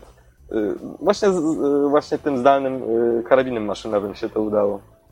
To znaczy, jeżeli mogę przerwać na chwilę, to pamiętam, że to było fajne właśnie w Operation Flashpoint, e, czy w sumie w późniejszej też armię, że w sumie, jeżeli byśmy się bardziej skupili na tym, żeby być, nie wiem, na przykład strategiem, no to można tak robić. Może nie we wszystkich misjach, bo czasem są takie, gdzie jesteśmy samotnikiem, ale dałoby radę pewnie się zacząć z tyłu i tak bacznie obserwować pole bitwy, żeby nie musieć wchodzić w tą walkę. Mhm, tak. No ale ja osobiście wolałem, wolałem brać bezpośrednio udział. W sumie ta- ta- starałem takie- się w pierwszej linii być. Mhm. To ja w takim razie ostatnie pytanie, które mi się nasunęło, żeby już tutaj nie przerywać częściej. Y, Rozumiem, że ta gra kontynuuje tradycję flash, tego pierwszego Flashpointa i Army i to wszystko jest takie bardzo nastawione na oddawanie realistycznych działań wojskowych, tak? Nie Tak. mamy tutaj żadnych upiększeń czy popularyzacji tego. Nie, nie, to wszystko jest- jest, nas- jest nastawione na to, żeby, żeby jak najwierniej oddać rzeczywistość. Natomiast y, mogę jeszcze od razu powiedzieć, że wszystkie elementy interfejsu, sama struktura interfejsu, to wszystko jest dosłownie zachowane tradycyjnie. y, Już od co jest zachowany system, który został stworzony już w 2001 roku, tylko po prostu został ulepszony i unowocześniony. Co jest bardzo fajne. Czyli powiedzmy, jeśli grało się we wcześniejszą część, no to wiemy dokładnie, czego się spodziewać. E, No jeśli chodzi o rozgrywkę, mogę powiedzieć tylko, że jest cała masa pojazdów e, i Stanów Zjednoczonych, i NATO, i rebeliantów, e, i wojsk reżimowych. E, Doszły także drony, bardzo klimatyczne. E, I oczywiście mamy otwarty świat, który, który sprowadza się do pustyń Pakistanu oraz, e, oraz e, jakichś różnych wiosek, miejscowości, e, które się w nim znajdą. I co jest ważne, co jest ciekawe, wszystkie elementy na mapie świata są zniszczalne. Zostało to bardzo fajnie zrobione. W sensie, jeśli zniszczymy jakiś budynek, on po prostu się zapada, dosłownie tak, wiecie, zjeżdża w dół, jakby poza, poza high mapę, czyli poza poziom terenu i na jego miejsce wysuwają się ruiny. Przy czym zostało to tak fajnie zrobione z, e, z efektami dymu i tak dalej, że to naprawdę świetnie wygląda. W każdym razie e, początek. Właśnie, jak, jak, przyjdzie, jak przysiądziemy już do gry, uruchomimy ją, to ja zawsze zalecam rozpoczęcie gry od samouczka. E, Jest to na dobrą sprawę kilka scenariuszy, to chyba około dziewięciu w tym wypadku, które uczą właściwie wszystkich najważniejszych aspektów gry, czyli kontrola ze wszystkimi elementami HUD-u, ze wszystkimi przyciskami, znaczeniami interfejsu. Jest to bardzo ważne, dlatego że w ten sposób e, w grze nic nas nie zaskoczy, w sensie będziemy wiedzieli, jak się odnaleźć. E, I muszę powiedzieć, e, że jakby sam trening sam w sobie też jest strasznie klimatyczny i jest świetny po prostu. Nie wiem, na przykład treningowy lot helikopterem, czy zajęcia na strzelnicy. To wszystko jest, y, tworzy moim zdaniem taki pewien rytuał grania w armę, w tego typu symulatory i samo w sobie też już jest świetnym przeżyciem. I tak dla porównania, może to będzie trochę takie od czapy porównanie, ale, ale wydaje mi się, że, że jest takie do, dosyć ważne. To znaczy, wiecie, Call of Duty, żeby było kozackie, y, żeby się kozacko grało po prostu, potrzebuje eksplozji, jakichś takich twistów fabularnych, y, potrzebuje y, czarnych postaci, całej masy wystrzelonych naboi i tak dalej, i tak dalej. Najlepiej wa- walących się miast jeszcze. Natomiast, natomiast tutaj kozackie jest jakby samo w sobie to, że powiedzmy lecisz helikopterem bojowym, bo masz lot treningowy, albo kozackie jest same zajęcie na strzelnicy. Więc żeby być kozackim, wystarczy być kozackim, mówiąc krótko. Nie trzeba się powoływać na żadne sztuczki, y, czy to fabularne, czy, czy inne. Y, I to, to właśnie myślę, że, że jest świetną cechą armii. A, No skończymy czy, czy, to, czy, to Mhm. wynika, czy to wynika troszeczkę z tego, że na przykład kierowanie takim pojazdem jest trudne? I nie chodzi tutaj o trudność. Chodzi o to, Aha. że wszystkie detale zostały bardzo, e, bardzo dobrze oddane. Znaczy, nie wiem, czy wszystkie, ale mnie to przynajmniej e, mnie to, e, mnie to przekonuje. To znaczy, wiesz, kiedy podchodzisz do helikoptera bojowego, to widzisz, że to jest helikopter bojowy, że on ma całą masę detali, ma cały sprzęt zawieszony, jest po prostu, nie wygląda jak taka, nie wiem, makieta czy zabawka, bo z małą ilością detali. To po prostu wygląda jak helikopter bojowy. Wsiadasz do niego i tam przez radio jest komunikat, y, proszę o pozwolenie na, na start, y, lot treningowy numer ten i ten i potem jest pozwolenie na start, no, no i wtedy lecimy, tak? Y, Wszystkie tego typu detale sprawiają, że jesteś w stanie uwierzyć, że to co, to, co widzisz, w jakimś stopniu koresponduje z rzeczywistością. No i powiedzmy sobie szczerze, lot treningowy, nawet w rzeczywistości, nawet treningowy, nawet bez, bez y, wyposażenia, bez, y, bez amunicji, jest kozacki sam w sobie i arma wydaje mi się y, wydaje mi się, że uderza w to po prostu. Tym, tym realizmem pokazuje, że, że na przykład nie wiem, sam, sam lot mający na celu przetransportowanie żołnierzy już jest świetny, już jest klimatyczny, zwłaszcza, że w tle gra jeszcze fajna muzyka z elektrycznymi gitarami i jest naprawdę świetnie.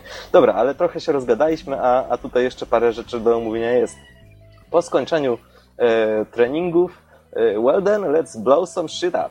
Jeśli chodzi o misję, to pierwszym, e, pierwszym elementem, jeśli chodzi o, o właśnie kolejne zadanie, kolejną misję, jest e, oczywiście mapa taktyczna wraz z celami. I to jest właśnie tutaj kolejna część te, tego rytuału, kolejna część tej symulacji, dlatego że przed każdą misją mamy tą właśnie wspomnianą mapę, na której są rozrysowane różne ikonki. Tutaj, jest, y, tutaj są wojska NATO, tutaj jest linia frontu, ten teren jest niebezpieczny, tutaj są strzałki i tak dalej. Wszystko naprawdę zostało zrobione tak, żeby wyjaśnić y, kolejne cele misji. I mamy kolejne, y, kolejne podpunkty, to znaczy cele misji, sytuacja, sposób wykonania i to wszystko koresponduje jakby z tym, co, co faktycznie mamy robić. Bardzo często też są informacje specjalne, na przykład w pewnym momencie trzeba uwolnić zakładników. E, no i dostajemy całą taką zakładkę. Zakładnicy. Cztery zdjęcia, każdy, do każdego zakładnika jest opis, ten i ten, e, takie i takie nazwisko, redaktor takiej i takiej, no akurat redaktor AAN. Ostatnio był widziany w tym, w tym, tym i tym. Prawda? I wszystkich czterech są takie opisy. I dlaczego to jest ważne? Dlatego, że mm, akurat jeśli chodzi o tych zakładników, to była czwórka zakładników, dwie kobiety i dwoje mężczyzn. To wyobraźcie sobie, jak by wyglądała sytuacja, kiedy, e, kiedy po prostu idę na misję, udaje mi się odzyskać trzech zakładników, a się okazało, że jest czterech. Prawda? Więc tego Aha. typu detale są bardzo ważne. Da, żeby, żeby po prostu być zorientowanym w sytuacji, albo na przykład dostałem taką informację, że, e, że e, partyzantka przyłącza się do mnie, że, że po prostu wojska cywilne, mm, takie kombinowane, chcą walczyć z reżimem i dostałem taką całą zakładkę. Tutaj jest zdjęcie typowego żołnierza y, partyzantki, tutaj jest zdjęcie żołnierza reżimowego. Oni są cholernie podobni. I teraz tak, y, przestudiuj, y, przestudiuj, jakie są różnice, żeby odróżnić ich na polu bitwy, nie? I tak sobie myślę, kurde, no ten ma turban, ten ma turban, jest źle. natomiast natomiast no, całość polegała na tym, że, że mm, żołnierze reżimowi mieli znaki i maskowanie. Znaki tam powiedzmy kapitan, e, szeregowiec i tak dalej, natomiast żołnierze cywilni czy partyzanci nie mieli. Właśnie tego wszystkie, tego typu detale, one strasznie są klimatyczne, to znaczy jest nam pokazane, na przykład tu jest linia frontu, e, tutaj mamy od informatora wiadomość, że tu jest pole minowe i po prostu mamy całą rozpisaną misję, jak to wszystko wykonać. I naprawdę to ja zawsze, zawsze bardzo mocno kładę na to nacisk i czytam bardzo uważnie, co się dzieje w misji, żeby potem nie być E, nie być e, zaskoczony niczym. Wiesz, teraz tak pomyślałem, jak żeś mówił o tych zakładnikach, że w grach podchodzi się do tego tak, znaczy tak uproszczając na zasadzie Call of Duty, no weźmy tutaj taki najbardziej ogólny przykład, prawda?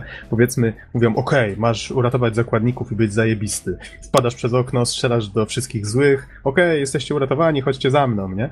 Ale wyobraźmy sobie taką sytuację, w której faktycznie masz poprowadzić oddział, który ma odbić takich zakładników. Przecież ty musisz wiedzieć, gdzie oni prawdopodobnie są przetrzymywani, ilu ich prawdopodobnie jest. Nie wiesz, czy na miejscu na przykład nie została część z tych osób gdzieś przeniesiona do innego budynku, prawda? Więc to wszystko z reguły nie myśli się o tym, bo ludzie grają strzelanki po to, żeby sobie popykać, co nie? A tutaj jakby fajnie, że, że też pomyśleli o tej takiej bardziej poważnej e, też myślę emocjonującej, jeżeli się do tego na poważnie podejdzie. Mhm, w tak. takiej sferze działań wojskowych. Wiesz, ja na przykład właśnie obejrzałem sobie, przeczytałem sobie wszystkich opis ich, e, no i tak pomyślałem sobie, że e, tam, bo każdy miał jakieś tam cywilne ciuchy, więc pomyślałem sobie, dobra, muszę zapamiętać, dwoje kobiet, dwoje mężczyzn. Nie? Żeby potem nie zapomnieć o tym, mieć to w pamięci, żeby nie było głupiej sytuacji. A mogę jeszcze tylko tak w sumie powiedzieć, e, dlaczego takie detale są ważne E, dlatego że na przykład w prawdziwym wojsku dowódca musi znać liczbę żołnierzy, których prowadzi. Musi znać liczbę swojego oddziału. E, I przed misją i po misji, i po misji musi ich przeliczyć. Dlaczego? E, ano dlatego, że powiedzmy wrócą z misji i, i okaże się, że, że dwóch nie ma, że zostali porwani.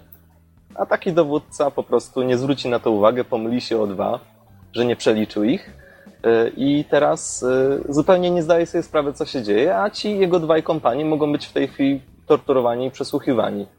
Albo E, jest, o jednego, wroga. Albo jest jednego za dużo i nagle się okazuje, że jeden jest szpiegiem z Team No, Fortress. Oh, tak, hello, gentlemen! Tak, to akurat nie, ale, ale chodzi o to, że nawet tego typu detale są dos, dosyć istotne. W każdym razie A, a E, takie jeszcze jedno pytanko, przepraszam. E, Czy ci zakładnicy, czy oni są jakoś oznaczani e, jakimś interfejsem w rodzaju wielka żółta strzałka nad tym gościem? Ten koleś to zakładnik? Nie. Czy... Nie. Aha, widzisz, to, to, to dodaje smaczku. W każdym razie, co ja tutaj dalej mam? Dobra, mam taki podpunkt przeanalizowany, no to do boju. E, Na dobrą sprawę, misje są bardzo zróżnic- zróżnicowane, co pewnie mogliście już wyciągnąć z moich wcześniejszych wypowiedzi. Mamy tutaj zarówno działania jakichś e, oddziałów specjalnych, czyli właśnie odbić zakładników, jak i e, działania w sensie masz oddział, masz jeden wóz pancerny, musisz zabezpieczyć teren, e, albo na przykład masz konwój pancerny i musisz zabezpieczyć konkretne e, obszary, e, jak i całkowicie walne bitwy, czyli na przykład ta wspomniana przeze mnie już bitwa pancerna o lotnisko. E, Co muszę powiedzieć? Wszystkie scenariusze e, są wymagające. Jest ich niewiele, jest ich około siedmiu, ale one wymagają i powiedziałbym szczerze, że e, że e, wrzucają gracza już na głęboką wodę praktycznie od prawie samego początku. Dlaczego? Otóż pierwsza misja, oczywiście jesteśmy szeregowcem w oddziale i nie musimy się niczym martwić, bo sztuczna inteligencja zarządza oddziałem za nas. My po prostu musimy trzymać się szyku i, e, i uważać na siebie, żeby wykonać cele misji. Natomiast już w drugiej mamy cały pancerny konwój e, pod swoim dowództwem. Musimy go tak zorganizować, żeby wykonać cele misji. Więc, e, więc twórcy no, doszli do wniosku, że jest, jest to dodatek i ludzie, ludzie chcą się dobrze bawić. Nie jest to dla osób nowych, więc, więc zadania są, e, są wymagające. Natomiast muszę powiedzieć, że ja zacząłem przygodę z dwójką właśnie od dodatku i poradziłem sobie, więc, e, więc nie jest tak źle. Poza tym w zasadzie oprócz tego, że mamy, tą, mamy te utrudnienia związane z zarządzaniem ludzi, to, to mimo wszystko da radę to zrobić i w zasadzie nawet bym polecał, żeby zacząć przygodę z armą od dodatku. Jeśli chodzi o mm, pojazdy i sprzęt, które mamy pod, y, pod y, swoją komendą, to jest to naprawdę, jest tego dużo, jest, tego, jest to bardzo klimatyczne. Na przykład bardzo ciekawe jest działanie dronów. Na przykład mamy helikopter swój, tam AH-64 bodajże, to jest taki Apache bodajże on się nazywa. I, e, I po prostu musimy operować nim w połączeniu z dronem.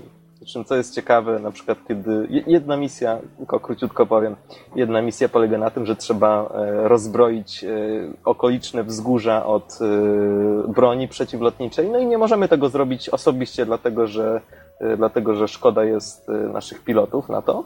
Natomiast trzeba wysłać tam drona i z poziomu tego drona wystrzeliwujemy pociski z helikoptera. To jest bardzo ciekawe. Dron nie ma broni, tylko zaznacza cele laserem. I to jest fajne, bo w sumie ta misja polegała na tym, że trzeba swój helikopter ustawić w strategicznym miejscu i potem patrolować e, teren dronem, który ma kamerę e, ze wszystkimi wizjami, czyli tam wizja pod, na podczerwień, z naftowizją i oczywiście z takim, z takim powiększeniem, że możemy czytać gazetę z wysokości kilometra. W każdym razie naprawdę ten sprzęt jest zróżnicowany, działa świetnie, misje też naprawdę są, po prostu rzucają nas różne klimaty, ale co jest najważniejsze? One są bardzo dynamiczne, to znaczy yy, bardzo często w trakcie misji następuje zmiana planów. Czyli wyobraźcie sobie, dobra, masz konwój siedmiu pojazdów, musisz zabezpieczyć drogę odtąd dotąd, bo, yy, bo jest podejrzenie, że tutaj będą siły wroga. I nagle okazuje się, że, że yy, samolot y, razem z, z dziennikarzami, z lekarzami i tak dalej rozbija się w górach, bo jest zestrzelony. I teraz, y, dobra, słuchajcie, jest zmiana planów, y, musicie zabezpieczyć ten teren, plus jeszcze jak najszybciej dotrzeć do, do wraku, bowiem, bowiem po prostu y, wrogowie bardzo szybko pewnie zabezpieczą, zabezpieczą miejsce katastrofy i będą przetrzymywać jeńców.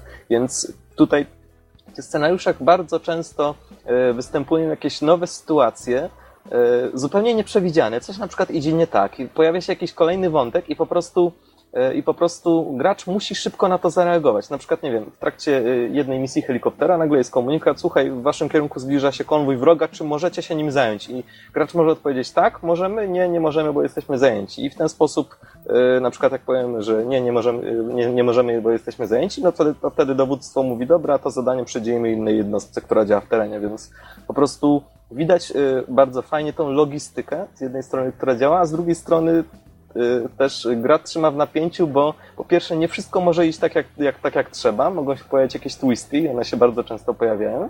Y, I z drugiej strony grający musi podejmować decyzję, czym się na przykład zająć, y, wybrać jakiś cel, albo na przykład odpowiedzieć pozytywnie lub negatywnie na pewną rzecz. Więc po prostu tutaj cały czas te misje zmieniają się dynamicznie, no i po prostu w ten sposób dochodzi do różnorodnych zakończeń misje mogą przebiegać w różny sposób w zależności od grającego. Co jest jeszcze fajne, świat przedstawiony nie czeka na gracza. To znaczy, jeśli są zakładnicy do odbicia, no to y, albo ktoś grozi użyciem broni masowego rażenia, no to nie oczekujmy na to, że będzie czekał cały dzień na nas, aż my tam dojdziemy i zniszczymy tą broń. Jeśli ktoś y, przytrzymuje zakładników lub coś innego robi, to po prostu trzeba, trzeba tak wybrać priorytety, żeby zdążyć na czas żeby po prostu zdążyć ich uratować albo zdążyć zapobiec czemuś. Czyli Bo wydarzenia po prostu się dzieją. Wydarzenia się po prostu dzieją. A, a czy tak łącząc to z tym, co powiedziałeś wcześniej, y, jeżeli się nie zgodziliśmy na przykład y, uczestniczyć w ataku na ten konwój, to czy w takim razie dowództwo faktycznie widać, że wyzwało jakąś inną jednostkę. Jeżeli tam jednak pojedziemy, to zobaczymy, że tam się leją ze sobą? Jeśli e, zostało powiedziane, że, że zostanie przydzielona jednostka do, e, do tego zadania, to powinno tak się stać. Przynajmniej ja tak zauważyłem, bo na przykład jest taka misja mhm. jedna, tylko króciutko powiem, mm, właśnie z helikopterem bojowym. W sensie mamy cel, żeby właśnie oczyścić e, wzgórza i następnie przyłączyć się do ofensywy, do ofensywy na linii wroga. Natomiast mi zajęło to tyle czasu, oczyszczanie wzgórz. No, to było dosyć monotonne zajęcie, dlatego że trzeba było tym dronem tak kierować i skanować te wszystkie wzgórza, czy tam na pewno nie ma jakiejś silki albo innej wyrzutni, że po prostu kiedy tam doleciałem y, do y, właśnie tam do tego drugiego obiektywu, żeby przyłączyć się do ofensywy, to tam się okazało, że, że ofensywa prawie już się skończyła. Więc, więc jest to świat e, otwarty, mm, w którym działają sztuczne inteligencje kierowane przez komputer. One oczywiście w pewnym sensie tam czekają trochę na gracza, ale, e, ale tak się dzieje, no przeważnie tak się nie dzieje właśnie i świat jakby toczy się, toczy się własnym tempem i na przykład to, czy spotkamy jakiegoś przeciwnika, czy nie spotkamy i gdzie go spotkamy, to też zależy od naszego szczęścia, bo na przykład ktoś może więcej czasu spędzić na lotnisku, e, ktoś może gdzieś tam zboczyć, kluczyć i okaże się, że oddziały wroga na przykład się przemieściły przez ten czas i zaatakują z innej strony, więc naprawdę tutaj, e, tutaj jest sporo dowolności i wszystko zależy od poszczególnych strategii podjętych przez grającego. Natomiast zakreślane przeze mnie wcześniej relacje z cywilami e, też są bardzo istotne i w zasadzie do każdej misji była taka odnotacja. Relacje z cywilami są bardzo dobre, ale uwaga, mogą się pogorszyć, jeśli będą straty w cywilach. E, I, I oczywiście mm, nie jest to żadną niespodzianką, jeśli powiem, że utrzymanie dobrych relacji z ludnością cywilną poskutkuje fajnymi, e, fajnymi skutkami, na przykład właśnie partyzantka się do nas przyłączy, albo po prostu tubylcy nam dostarczą jakieś ważne informacje, bez których po prostu mielibyśmy przerąbane. Więc oczywiście też moglibyśmy grać, ale żeby było trudniej. Więc, więc po prostu jest naprawdę bardzo fajnie. Co dalej? Te misje wymagają nieraz skupienia i niestandardowego działania. Naprawdę, na przykład, nie, w pewnym momencie Dobra, słuchaj, e, w budynku, który odbiliście jest bomba, musisz ją rozbroić. E, czy uda wam się to zrobić? E, tak, uda nam się, no to do dzieła. Teraz, teraz trzeba wymyślić, co się dzieje, jak się dzieje i jak tutaj tej sytuacji natychmiast sprostać, bo licznik na bombie działa bez względu na to, co my robimy. Może się nie udać i wszystko może eksplodować. I będzie to miało konsekwencje na przykład y, w relacji z y, ludnością cywilną, więc tego, wszystko, tego typu zależności występują, co sprawia, że, że ta kampania, chociaż jest, chociaż jest krótka, bo ma około siedmiu misji, y, to, to naprawdę obfituje w różne ciekawe momenty i bitwy masowe, i jakieś działania specjalne, no i oczywiście wszystko to okraszone jest nieliniowością co naprawdę dodaje, dodaje wiele smaku. Tak jak wspomniałem już w pierwszych wrażeniach, to na przykład kiedy rozbijemy się helikopterem, nie wykonamy misji, to kolejna misja jest, słuchajcie, jest pilot helikoptera nasz do odbicia, jest przytrzymywany tu i tu i trzeba to zrobić. Więc, e, więc to też zależy, ilość misji zależy od tego, jak gramy. Nie, nie jestem pewien w jakim stopniu do końca, ale ostatecznie widać to mocno i, i mnie to naprawdę bardzo, bardzo cieszy. Czyli nie kierujemy jedną postacią, tak? Nie, postaci jest kilka Aha. e, i to jest jeden pilot, jeden e, dowódca czołgu, e, jedna, jedna osoba od zadań specjalnych. Nie zwróciłem uwagi za bardzo, co to są za osoby, tylko po prostu skupiałem się raczej na, na misji i jakie są jej cele. Natomiast jeżeli- jest tam 3-4 postacie są po prostu. A jeżeli zginiesz, to czy gra leci dalej i po prostu reaguje na to odpowiednio, czy jest game over? Znaczy, przeważnie jest game over, ale w Aha. niektórych, w niektórych wypadkach faktycznie, mm, faktycznie niespełnienie jakiegoś celu albo, albo wykonanie misji na jakiś sposób y, warunkuje potem, co się, co się dalej dzieje, jak na przykład właśnie z tym rozbiciem się, że jest całkowicie inna misja. Mhm. Przepraszam. To jeszcze jedna rzecz mi się w takim razie nasunęła. Y, Ile trwają te misje, albo inaczej, może tak zbiorczo, ile zajęło ci przejście tego dodatku tak na oko w godzinach? Na oko niestety nie powiem, dlatego że Steam mnie nie liczy. Ja grałem offline i jak się gra offline, to jest problem z liczeniem godzin.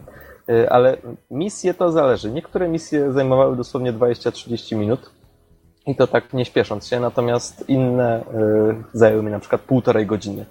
Więc, więc to wszystko zależy od zadania, które przed nami stoi. No i często też zależy od tego, jak do tego zadania podejdziemy i jak nam sprawnie to pójdzie. Na przykład oczyszczanie tych wzgórz e, z artylerii przeciwlotniczej było dosyć mozolne, dlatego że trzeba było przeskanować wszystkie podejrzane e, góry w okolicy. E, No to były jakieś 500 metrów kwadratowych tego i szczytów było 8 podejrzanych i trzeba było wszystkie sprawdzić, żeby mieć pewność, że, że żaden, żadna wyrzutnia się nie, nie ostała. E, Więc to zależy, natomiast wydaje mi się, że, że taka kampania potrwa może 8-9 godzin. To zależy jak komu idzie, ale no jest dłuższa od Call of Duty, ale faktycznie trochę się zdziwiłem, że tak krótko. Ja liczyłem na przynajmniej 10 misji. Przy czym jest to, tak jak mówiłeś, dodatek. Tak, jest to tylko dodatek. A powiedz, czy już w Armę dwójkę grałeś, czy tak zacząłeś właśnie od drugiej strony? E, Zacząłem od dodatku, teraz gram w drugą część faktyczną. Jestem bodajże na czwartej albo piątej misji już i nie zapowiada się, żeby to był koniec. Więc podejrzewam, że w 20 misjach około to się zamknie. Mhm, Okej, okej. Dobra, jeszcze tylko wspomnę króciutko, że dodatek zawiera także dodatkowe scenariusze, których jest około 7-8. Mówię około, dlatego że tam jest też, y, też y, tego jest kilkanaście na liście, ale tam są też benchmarki, jakieś takie sandboxy, w sensie jest baza na to i wypróbuj sobie wszystkie pojazdy, więc w sumie to nie jest żadna misja, tylko, tylko takie pole do zabaw. Teraz takich misji jest około 7 e, i one są luźno powią- powiązane z kampanią, czyli na przykład, nie wiem, tam e, e, reżim został rozbity, e, ale, ale na przykład jakaś tam część ludności, e, która popierała go, uciekła do góry i na przykład jest patrol helikopterem. Tego typu misje, e, one są luźno powiązane z kampanią i są bardzo różnorodne, e, aczkolwiek ja, ja przynajmniej mam to do siebie, że w przypadku Operation Flashpoint czy Army 2 tego typu misje przeważnie nie gram, dlatego że przede wszystkim w nie się powinno grać, jeśli już, to po ukończeniu kampanii, kiedy już jesteśmy wprawieni. E, A po drugie, one są trudne, dlatego że tutaj znowuż świat nie czeka na nas, tylko cały czas idzie do przodu. E, I, i bardzo często musimy działać na zupełnie obcym terenie dla nas, e, w obcych warunkach, na przykład z jakimś tam modelem helikoptera, z którym wcześniej się nie, styknę, nie, nie zetknęliśmy i w jego przypadku na przykład coś jest trudniejsze albo inne. E, Więc po prostu, e, więc po prostu te misje, przynajmniej dla mnie, są dosyć trudne, a jako, że nie są wliczone w kampanię, no to człowiek nie ma tej motywacji, żeby posiedzieć dłużej i, i po prostu pociągnąć fabułę dalej. W każdym razie one też są i, i jeśli komuś samej kampanii będzie za mało, to, to także są. Przechodząc już do A, grafiki. jedno pytanie a propos Mhm. tych misji. Wspominałeś coś o jakichś DLC, że trzeba coś dopłacić? E, Tak. Znaczy, O co chodziło? Jest, e, są dodatki e, do army Operation Arrowhead i w sumie do army dwójki po prostu. Dodatki do dodatku? Nie, nie, nie, do, do dwójki. E, I to na przykład jest właśnie Private Military Company i demówka tego dodatku, a ten dodatek po prostu dodaje nową kampanię i została dołączona do Operation Arrowhead i to jest po prostu jedna misja. Aha, ja, ja myślałem, że to jest po prostu pełna wersja, bo to nigdzie nie zostało zaznaczone, to jest demo. Po prostu była kolejna misja, no i myślę sobie, dobra, no to no, y, kolejna kampania, przepraszam. To myślę sobie, dobra, no nie będę od drugiej zaczynał, tylko od pierwszej sobie zacznę, a potem będzie druga. No, a potem się okazało, że ta druga to jest jedna misja i demówka. Okej, rozumiem. E, W każdym razie, przechodząc już do grafiki. Oczywiście e, gra robi wrażenie. E, Mamy tutaj do czynienia naprawdę z bardzo, bardzo fajnymi efektami. I wszystkie krzaczki, i budynki, i miasta naprawdę świetnie wyglądają. Poza tym wszystkie pojazdy naprawdę są bardzo, bardzo dobrze oddane. No i oczywiście, co mnie, co mnie cieszy, różne efekty specjalne. Na przykład, jeśli strzelimy w jakiś tam pojazd, to są całe kołtuny kurzu albo, albo po wystrzeniu rakiet. Tego typu efekty na- naprawdę robią wrażenie e, i, i gra jest w nie bogata. Poza tym ona, mm, poza tym właśnie cała arma, nie tylko dodatek, ale ogólnie też wykorzystuje różne skomplikowane efekty graficzne. To znaczy na przykład, e, kiedy jest noc, no to najpierw jest czarny ekran, dlatego że oczy się nie przyzwyczaiły do czerni, a po, tam, po jakimś czasie on jest dosyć krótki. Wtedy dopiero e, obraz się delikatnie rozjaśnia, bo oczy przyzwyczajają się do ciemności. No dobra, no to zakładamy noktowizor na przykład. No i na początku widzimy tylko białość. Biało. E, e, Cały jest biały, dlatego że mm, jakby rozszerzone soczewki z nałożonym noktowizorem, no to skutkuje, że wszystko jest białe, dlatego że wzrok z kolei y, musi się przyzwyczaić do tego, że, że jest jasno. Y, I, I dopiero po jakimś czasie widzimy faktycznie na tej noktowizji, a z kolei kiedy znowu ściągniemy ten noktowizor, to znowu jest czarno. To wzrok musi się przyzwyczaić do ciemności. Tego typu efekty y, naprawdę robią wrażenie. Y, Tak samo jest na przykład, nie wiem, kiedy patrzymy na, na Humvee, który w nocy świeci na nas światłami, to nas oślepia. Tego typu efekty, naprawdę jest ich dużo, są naprawdę fajne. Poza tym, poza tym na przykład, nie wiem, robi wrażenie śmigło, które obserwowane z wnętrza tak świetnie i realistycznie wygląda, jak, jak się obraca. Wiem, że to banalnie może zabrzmi, ale naprawdę, e, naprawdę wygląda to tak, jakby faktycznie e, działo się to w rzeczywistości. E, Grafika naprawdę jest świetna, można przy tym obniżyć tak te wymagania, żeby działała nawet na trochę słabszym komputerze, natomiast jeśli chodzi o Operation Arrowhead, to mam dobrą wiadomość, przede wszystkim przeważnie akcja dzieje się na pustyniach, więc tych obiektów nie jest za dużo, można trochę sobie e, wyższe wymagania włączyć. Jeśli chodzi o muzykę, e, to jest ona od, odtwarzana w pewnych momentach co jakiś czas. I to oczywiście są klimaty Bliskiego Wschodu połączone z gitarami elektrycznymi w taki sposób i w tych momentach, żeby po prostu było kozacko. Czyli na przykład, kiedy przeprowadzamy tą pancerną ofensywę i zbliżamy się do celu, to oczywiście musi zagrać jakaś taka dynamiczna nuta, która podkreśla, podkreśla, e, podkreśla klimat całości, albo na przykład, kiedy, e, kiedy przeprowadzamy jakiś taki w sumie spokojny lot, też e, załączona jest jakaś inna muzyka. Nie są to efekty skomplikowane, ale naprawdę mm, myślę, że spełniają swoją rolę bardzo dobrze. Natomiast jeśli chodzi o udźwiękowienie, tutaj naprawdę wielkie, wielkie pochwały dla e, ludzi z, z Bohemia Interactive, dlatego że udźwiękowienie jest bardzo wiarygodne. To znaczy, e, wszystkie te czołgi, pojazdy, nie wiem, Humvee, ciężarówki, one brzmią strasznie wiarygodnie. Moje wrażenie największe na mnie z, zrobiło zwłaszcza mm, helikoptery bojowe, które inaczej brzmią z boku, inaczej od boku, yy, przepraszam, inaczej od boku brzmią, inaczej od dołu. Dlatego, że, no wiecie, tutaj dźwięki różnie się rozchodzą i to mm, jakby ten wirnik inaczej emituje je. I w ten sposób na przykład inaczej brzmi helikopter od środka, inaczej kiedy stoi na, na lądowisku z włączonym wirnikiem, a jeszcze inaczej kiedy jest nad nami. Wtedy to wszystko e, brzmi odmiennie i naprawdę widać, że, że panowie postarali się, żeby oddać ten realizm jak najbardziej. I, i no i mogę powiedzieć tyle, że, że kiedy dajemy komendę, będąc e, dowódcą czołgu, żeby jechać szybko, e, ma- czu- e, słyszymy taki jęk tego potężnego silnika.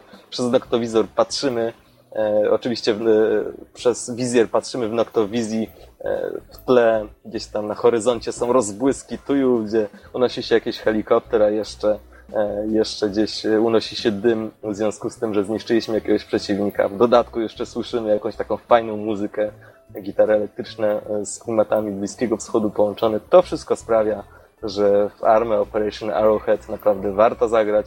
Jest to symulator przez duże M, jest wymagający, ale, ale można naprawdę się do niego przyzwyczaić i można czerpać z tej, z tej wspaniałej symulacji naprawdę dużo, dużo radości. To tyle. Wow. Brzmi dobrze. Czy jakieś pytania w takim razie? Norbert? Nie, nie. W sensie, no chyba wszystko poruszył. No, jak, to, jak to Don mówi, wyczerpałeś temat, ale nie słuchaczy, tak? Tak. No ja mam nadzieję, że nie słuchaczy. ale brzmiało bardzo zachęcająco. Wiesz, podoba mi się ta dbałość o detal. Jakże się zaczęło opowiadać o dźwięku, nawet o, o tym, w jaki sposób y, brzmi wirnik, w zależności od tego, w którym miejscu się znajdujesz. To wymagało na pewno kosmicznego researchu i spędzenia na pewno wielu godzin przy samych maszynach, prawda, istniejących.